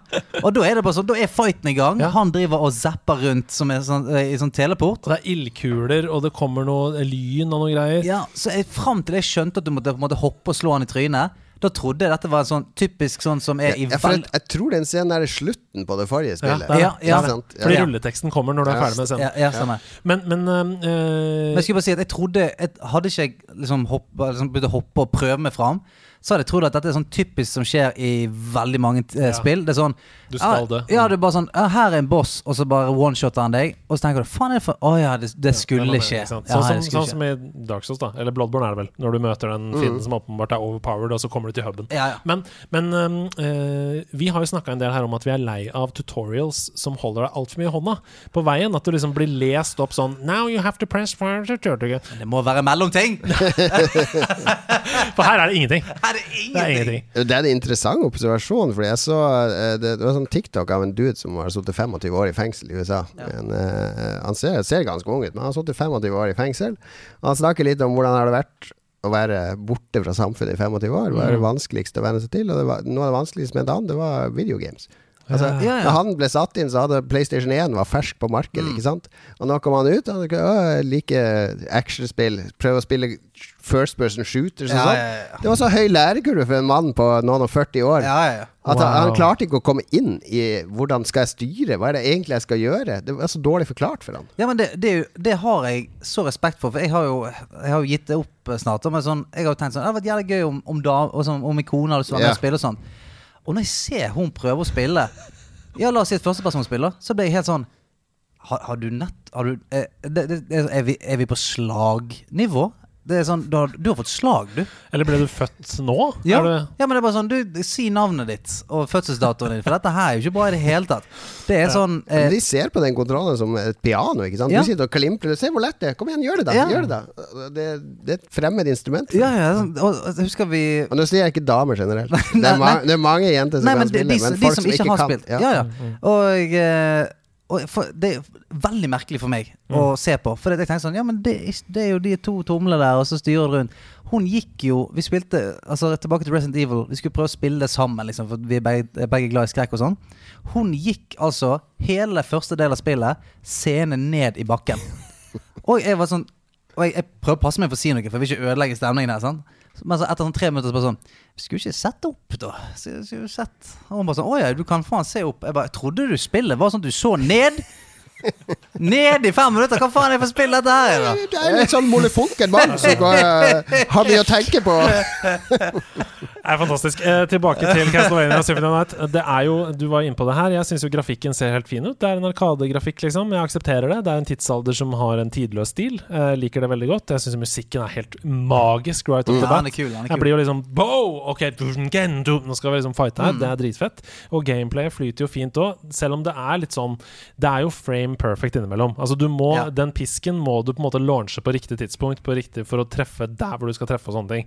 Og det vil jo kanskje irritere noen da som er vant med moderne spill, men jeg liker det litt. At det er på en måte en utfordring der og da. Og dessuten, når det er så strict som det, så blir jo det også en regel som Mm. du da veldig lett forholder deg til. Fordi nå vet du hvordan det fungerer, på en måte. Det er liksom ikke flytende. Det er sånn, to Ja. streker under svaret. Du må respektere det. Mm. Det må respektere. Men er det er jo der jeg eh, Jeg, jeg hadde jo problemer noen steder med nettopp det. Jeg følte at eh, utfordringen som jeg fikk, ikke var helt uh, Det matchet ikke den friheten jeg hadde i bevegelsen. da Jeg skjønner. For jeg husker bare ganske tidlig så uh, hadde jeg vært oppe, oppe noen nivåer og slitt litt. Grann. Så var jeg sånn, «Ei, faen, her, nå begynner det å bli tøft. Her, så jeg bare hoppet ned masse nivåer, og så kom jeg ned til en slags sånn vann, vannbane. Og der popper det opp sånne jævla amfibietryner som spruter ild og sånn. Og da føler jeg sånn Ja, men jeg har jo ikke noen verktøy til å liksom manøvrere dette her. For de hopper opp og spruter ild, og jeg bare dukker, Dukke! Nei! nei». Så jeg Ja. ble bare maulet der nede. Sikkert 15 ganger, ja, 15 ganger før jeg fikk komme komme meg videre. Nei, jeg bare Jeg, jeg stoppa ikke opp der, jeg. Jeg bare gønna på gjennom istedenfor å stoppe opp for å ta det. Ja, sant. Det Um, hørtes ut som en god idé. Men jeg syns jo, uh, rent sånn level design-messig, da, så blir det jo nesten ikke bedre enn dette i denne typen spill. Altså, Du snakket litt om det å backtrack og sånn i Metro Mm. Prime. Her syns jeg det er gøy, liksom, og du, du uh, får mer og mer sånn visuelt bilde av hva slags verden du befinner deg i. Ja, og du får dobbelthopp og kan fly gjennom ting fortere og Mm. alt sånt. Så det, det er veldig bra strukturert. Altså, det, er, det er en grunn til at mange mener det er det beste Castlevania-spillet. For det var virkelig et steg videre fra de, de gamle, den generasjonen før. Mm. Ja, men det, det er kult. Altså, jeg, når jeg gikk inn i det, så hadde jeg hadde ikke spilt det før, så jeg visste ikke på en måte hvilken dybde vi Mm. så på her. Men jeg likte jo veldig godt det der følelsen av du, får, eh, du får armor, du får våpen, relics. Og da forandrer gameplayet Ja, seg da forandrer gameplay seg veldig. Så jeg, jeg, ble, jeg ble ganske kjapt overrasket. Det var sånn Å ja, kult. Det er faktisk eh, eh, et par lag til dette. Det er ikke bare Det er ikke bare sidescroller med sverd, liksom. Det var, Mm. jeg syns det var eh, ganske kult. Men jeg, jeg velger å tro at Får du det i hendene nå uten å ha noe forhold til Castlevania, så tror jeg kanskje man kan bli motløs litt fort. Ja. Bare for Man det er må nok være litt interessert i Ja. spillhistorie og sånne ting for å orke å investere for, det- for mye tid i det. For det er tøft. Ja, det er ganske tøft. Jeg syns det var tøft. Det er Altså. såpass tøft. Jeg, jeg, har, jeg har veldig spesifikke minner fra det her spillet, for jeg jobba jo i, i Akersmik, som var en sånn stor butikkjede på det, med multimedia-butikkjede i spilleavdelinga der. Og det var i 96. Det var før internett kom hjem til alle, ikke sant. Så vi var jo også en informasjonssentral. Altså, vi hadde jo postordre, så folk ringte fra hele landet for eh, Her har Kvord eh, Diablo 2 er det kommer til butikker i dag! Kan du sende et sånt til meg? Uh, altså, var det en som heter Tommy fra Toten. Han ringte hver uke. Han hadde kjøpt det hos oss. Ja. En Tommy fra Toten her. Du, det er Castlevania. Eh, Nå har jeg kommet eh, opp der at eh, den Og så Jeg vet ikke helt hva jeg skal gjøre. Ja. Da hadde jo jeg gamefax.com. Ja. Gikk jeg inn, og så fant jeg ut hva han var. Har du gjort den? Har du funnet den? Ok, du må gå ned i kjelleren der. Ditt og datt. Og han ringte hver uke. Åh, det er så hyggelig. Ja, det var så hyggelig. Ja, så jeg, jævlig i, hyggelig. i, og to måneder så prata jeg med han hver uke, og så kom han Ja, nå tror jeg at jeg er ferdig Jeg er på 98,7% står det her. Så det er ikke mye igjen nå. Sier jeg jo, men du vet det spillet her går til 200,6 hvis du skal ha completion. Å, ja. Da ble det helt stille. 200 Er det så mye igjen, da?! Han ble så glad! Ja, Da hva kunne han spille i to måneder til. Jeg husker vi snakket med en som hadde jobbet i Nintendo-telefon eller noe. Ja, Ja, som ja. var samme greien. Det var sånn hvordan, du, hvordan gjør jeg dette brettet her? Og så var det en fyr som jobbet i Nintendo-telefonen. Ja, ja, ja. Jo, nei, nå skal du gjøre det. oi, oi. Ja, det er skamfett. Ja, men jeg, det er, bare for å oppsummere litt det dere snakker om her. Fordi jeg eh, tenker at dette er et spill som er veldig sjangerbundet. De som liker Metroidvania-aktige spill, altså de som liker Hollow Knight, Ori, eh, Guacamele f.eks., og koser seg med liksom stilen til Shovel Knight, men ikke har spilt Symphony of the Night, de tror jeg kommer til å like dette. Uh, men jeg tror at det er ganske splittende. Jeg tror at det ikke er noe sånn uh, uh, allmennspill. Altså Selv om det er et av spillhistoriens største spill og hylles og sånn, så tror jeg ikke at hvis du bare liker Super Mario World og Super Mario Galaxy, så tror jeg ikke du automatisk har en god opplevelse, for å si det sånn, med Castle Nei. Og hvis, du, og hvis du ikke gidder å spille det, så kan du i hvert fall finne soundtracket, for det er smashing! Ja, det er jævlig fett. Ja. Altså, jeg har vært, jeg har vært på vippen egentlig liksom fram og tilbake eh, helt siden, helt siden jeg lå det fra meg. For det er nettopp det at det er dritkult. Det er på en måte sånn- en slags stilstudie. Men jeg, jeg syns at det er liksom så tungt å spille at jeg, sånn, jeg har vanskelig for å si til, til noen sånn Du må spille gjennom det spillet. For det, jeg er liksom usikker på om man må spille gjennom det spillet fordi at det er så sinnssykt mye Ja. bra som har kommet ut fra det spillet. da så ja, jeg, jeg er veldig på vippen. Eh, Det var dritkult å spille det, men uh, ja, jeg kommer ikke til å spille det mer. Nei, men da kan du svare det, da. Tja, kan du Ja, svare. tja. Ja, Hva sier du? tja. Har det holdt seg? Jeg vil si ja. Jeg vil si at det er fortsatt en unik visuell stil, det er fortsatt en unik atmosfære, og det har, det har noe med å besøke røttene sine, rett og slett. Jeg syns det har holdt seg hvis du liker de spillene jeg nevnte. Eh, men det har ikke holdt seg som et generelt spill i, for allmenn spillbransje, syns jeg. Så nå har vi hele spekteret her, da. Absolutt.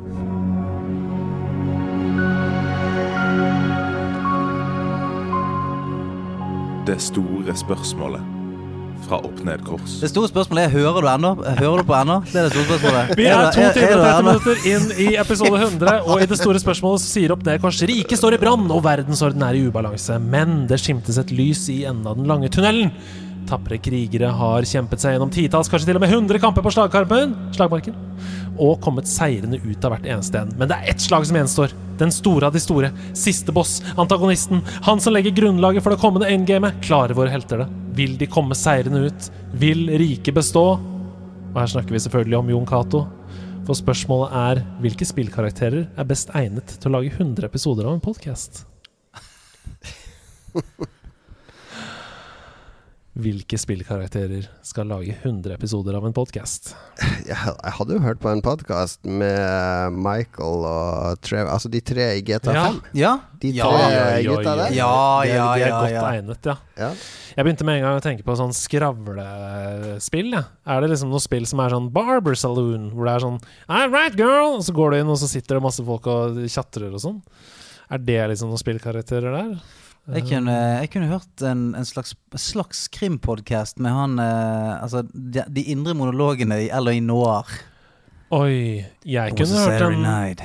Jeg kunne hørt en podkast med de indre tankene i Disco Elysium. Ja. Oi, oi, oi! Eller bare Mm. sånn alt Ja, kanskje han liksom Ja. Hovedpersonen i Disco Elysium pluss Kim Kutsaragi eh, har en podkast sammen om livet, liksom. En straight man og en uh, Ja. wild gun. Livsvalg, om dette. Hvis, hvis du tar alle Codex-samtalene til Snake opp igjennom, så tror jeg du kommer opp i en 100 episoder. Det tror jeg òg. Mm. Er det noe sånn Der snakker de om Godzilla og krig og popkultur. Ja, for det, det høres ut som en podkast av og til. For sånn, Ja, hvorfor, hvorfor sånn. ringer du? Hva er det vi snakker om her? Did you know that Godzilla was originally a, a symbolism of uh, the nuclear power? I'm in a box right now, I can't talk. Er det noe sånn filosoferende type spill, da? Som har sånne lange tankerekker som du fordyper deg i? Taylor's Principle, er det det Ja, du har spilt i det Taylor's siste i Principle, VR? ja. Det, det har mye sånn Der type monologer i seg. Mm.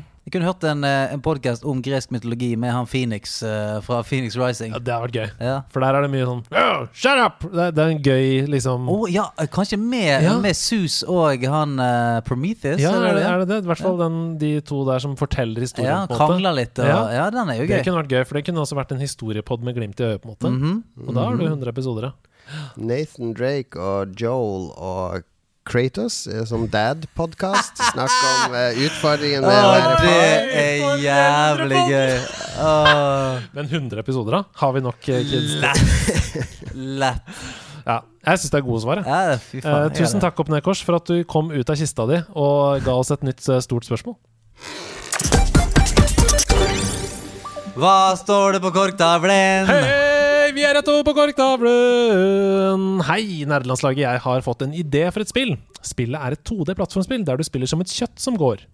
I spillet så spiller du 100 leveler, som handler om episodene i nerdelandslaget. Level 1 er episode 1. For eksempel Solan som bossfight i episoden der dere snakker om det. En ekstra pluss jeg tenkte på var at lytterne av nederlandslaget laget og programmerte spillet selv. Er ikke dette en god idé? Har ikke dere lyst til at dette skal skje på ekte? Hilsen EVD King. Jo, det høres ut som en Meatboy-DLC, uh, dette. Ja, så Dette er vel egentlig kanskje bare en oppfordring til de som hører på. Hvis det sitter noen glade kodere der ute som har lyst til å lage nerdelandslaget The Game, 100 levels, der hver episode er spesifisert til en gjest. Det gøy! Men det, wow. det tror jeg alle Det kommer jo nå på Switch i juni. Kommer det sånn Gamemaker eh, Gjør det det, ja? Ja, jeg, Ja. jeg, jeg har ikke sett så nøye på det, men du skal kunne lage ganske mange forskjellige typer Ja, men spill på Switchen. Nintendo sitt sånn Dreams-svar, Ja, eh, eller? Ja, de, de har jo Super Mario Maker, der du kan lage Ja, ja. Mario-leveler, som er ganske bra, men nå er det mer sånn Nå kan du lage ganske mye forskjellig. Det er ganske nice. Ja, fordi det er på en måte Dreams bare enda mer sånn Altså, det ligner mer på Ja, men er Dreams er så komplisert. Ja. Må du nesten være utvikler for å det, det, det er så mange lag til det Ja, lager der. Mens det her blir nok som Nintendo. Det blir litt sånn strikk og binders. At her Ja. kan du lage bilspill, sånn kan du lage plattformspill, sånn Så kan du lage ba- Bare send inn en NFI-søknad med en gang, sier jeg. Hei, Blippo Hedokato. Hei, hei. Hva syns du, Jonnings, om 100 episoder av podkasten? Svar helt ærlig. Uh, kjøttet går. Hilsen Jojoba. Jeg kan lukke ørene. Nei, jeg syns det er helt uh, Jeg har jo hatt troféskap, jeg har jo sagt hva hva jeg syns der, ikke sant? Det kunne ikke jeg vite da jeg valgte dette spørsmålet. Jeg, syns det er helt strålende, men jeg må jo si jeg er jo en som ikke hører på noen podkaster, verken norske eller internasjonale, Mm. fordi jeg klarer Jeg irriterer meg sånn. Fordi Ja. jeg føler at uh, hvis ikke jeg er med Kanskje jeg er veldig sånn selvsentrert, men jeg har alltid noe å si. Hvis det er, jeg kan høre på podkaster om tema jeg ikke kan noe om, Ja. da lærer jeg masse. Men hvis det er om spill, så blir jeg sånn Nei, det er feil! Ja. Eller jo, du burde heller snakke om det. Eller Ja, noe sånt. Det bare irriterer meg. Det er sikkert veldig elitistisk av meg, men uh, Jeg tror det er mange som kjenner seg igjen i det. Altså. Ja, men det, blir- det jeg syns er veldig kult Det, det kuleste jeg syns, det er når dere har gjester som sier 'Hvorfor skal jeg være gjest?' Jeg er ikke noe gamer. Jeg, er ikke noe, jeg, har ikke, jeg har ikke noe forhold til spill. Og så, og så er det nesten sånn at dere må kaste de ut til slutt. Fordi Ja, ja. de har så mange spill de har spilt, og opplevelser de har hatt. Det, det blir jeg oppriktig glad av å Ja, høre. for, for det er så absurd. for det er så mange de, de skal ikke ha på seg at de gamer. Det skal ikke de ha på seg. Bare sånn, Nei, nei, jeg har nå spilt litt. Grann. Og hver eneste spill vi nevner Ja, ja, det, ja! Ja, det spilte vi der, og. Nettopp. Og det, det er jo med å gjøre den alminneliggjøringa Det der med at vi var flaue over det her på 90-tallet. Vi var jo det. Mm. Det var ikke noe du, du skrøt av ute på byen og var ute med de her gutta som skrev i Natt og Dag og sånn. Så det, ja, de spiller dataspill og sånn. Ja. Det, var, det var ikke noe du snakka høyt om det. Ikke sant? Ja, Det var det- ikke noe kred. Det er som du sier, det var vanskelig å sjekke damer med det. Ja, det var- Jeg har fått ultima-weaponet til Oran i Final Fantasy 10. Eh, så vi kan godt gå hjem til meg og se på det, hvis du vil det. Jeg vet ikke hvor mye lettere det er i dag, men det, det er bare å få folk til å komme ut av det skapet og være komfortabel med å dele. Det, det er veldig bra. Hva tenker dere om at det kuleste bandet i Norge kommer med retrospill? Hilsen Zack Freeze. Og da regner jeg selvfølgelig med at han snakker til Kvelertak, som kommer med et nytt retro eh, 8-bit, 16-bit-spill. Det syns jeg er helt fantastisk. Er ikke det gøy? Jo, det er lit. Ja, det gleder jeg meg til. ass det, eh, Team Me kom jo også en gang i tiden med et eget spill til den nye singelen sin. Så det er det norske band. De driver og gir ut spill til musikken sin. Deilig. Team Meverse. Jeg har en gamerkid på snart 11 år som sammen med en kamerat vil lage et spill. Men de vet ikke helt hvor de skal begynne, så jeg tenker at de må oppmuntres nå. Så de kanskje har en framtid med dette. Har dere noen tips til hvor de skal starte? Eh, jeg tenker selv kanskje at et sted å starte er mods til Minecraft eller Roblox f.eks. Hva tror dere om det? Ellers keep up the good work. Jeg gleder meg veldig til episode 200. Kjøttet går. Hilsen Lasse. For show! For show! Du har sånn kidsa koderklubber rundt Ja. omkring eh, som gjør en ganske bra jobb med å introdusere det her. Og så Mm. har du de lavterskelverktøyene, sånn som det Switch-greia som kommer nå. eh, Dreams, eh, Super Mario Maker. Altså det, det er én ting å kunne programmere og lage alt fra scratch, men en annen ting å faktisk holde ut med Prøv å lage en, helt sånn stor bane i Super Mario Maker. Mm. Det skal en del innsats til. Fordi Mm. den gode, to gode ideene du hadde, de varer så lenge, og så må du liksom Ok, hva skal jeg fylle det her med? Mm. Hvordan skal jeg holde på spilleren? Det fins mange måter å leke seg på, men Minecraft er et bra sted å starte. Og ikke nødvendigvis lage mods, men bare utforske andre sine, og finne ut hvordan kunne jeg gjort det sjøl. Mm. Ja, la, lære av andre mods. Ja. Se hvordan det er bygd opp og sånne ting. Det er, det er gode tips, det. Mm. Og som du sier, jeg tror det er viktig at Ja, én ting er at du kan på en måte designe dette her, men det betyr ikke at det blir- et bra spill. Så man må skjønne hva er det som, hva er det som gjør at dette er en gøy bane. Ja, hva er det som ja, ja. gjør at dette er kult å spille. Du vet den evige sånn spillutviklersyklusen her kommer på en kul idé, starter et nytt prosjekt, forteller alle om det. Kommer på en ny idé, start et nytt prosjekt, fortell alle om det. Du kommer aldri til det nede hjørnet der, der det er der avslutt prosjektet. The grind. Jobb ut spillet. Ja, ja.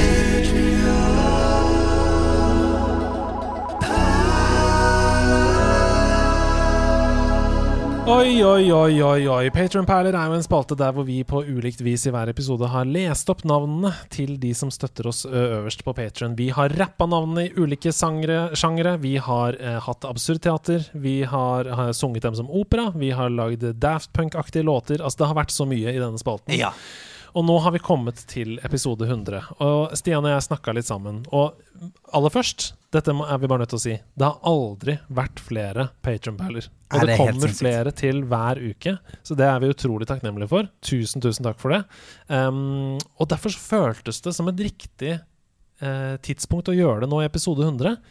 Og bare hylle dere. Ja, altså rett og slett La hvert navn komme fram skikkelig. For vi eh, Altså Det at vi har kunnet bruke så mye energi og, og lage ekstra gøy og alt mulig eh, til dere eh, for podkasten, er jo på grunn av jo, eh, Backerne våre har jo vært helt fantastiske Mm. siden vi startet med det. Mm. Som gjør at vi kan Vi har mye med større frihet til å, å, å gi ting tilbake igjen også.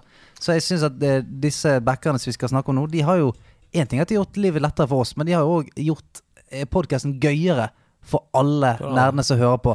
Så vi har rett og lyst til å jeg, jeg, jeg så for meg at, eh, at vi har på en måte med 100 episoder så har vi vunnet Oscaren, på en måte. Vi har liksom vunnet en pris, og dette her, det jeg ville, jeg ville bare stått på scenen og takket dem til episk musikk. Så det er rett og slett det vi skal gjøre i dag. Mm.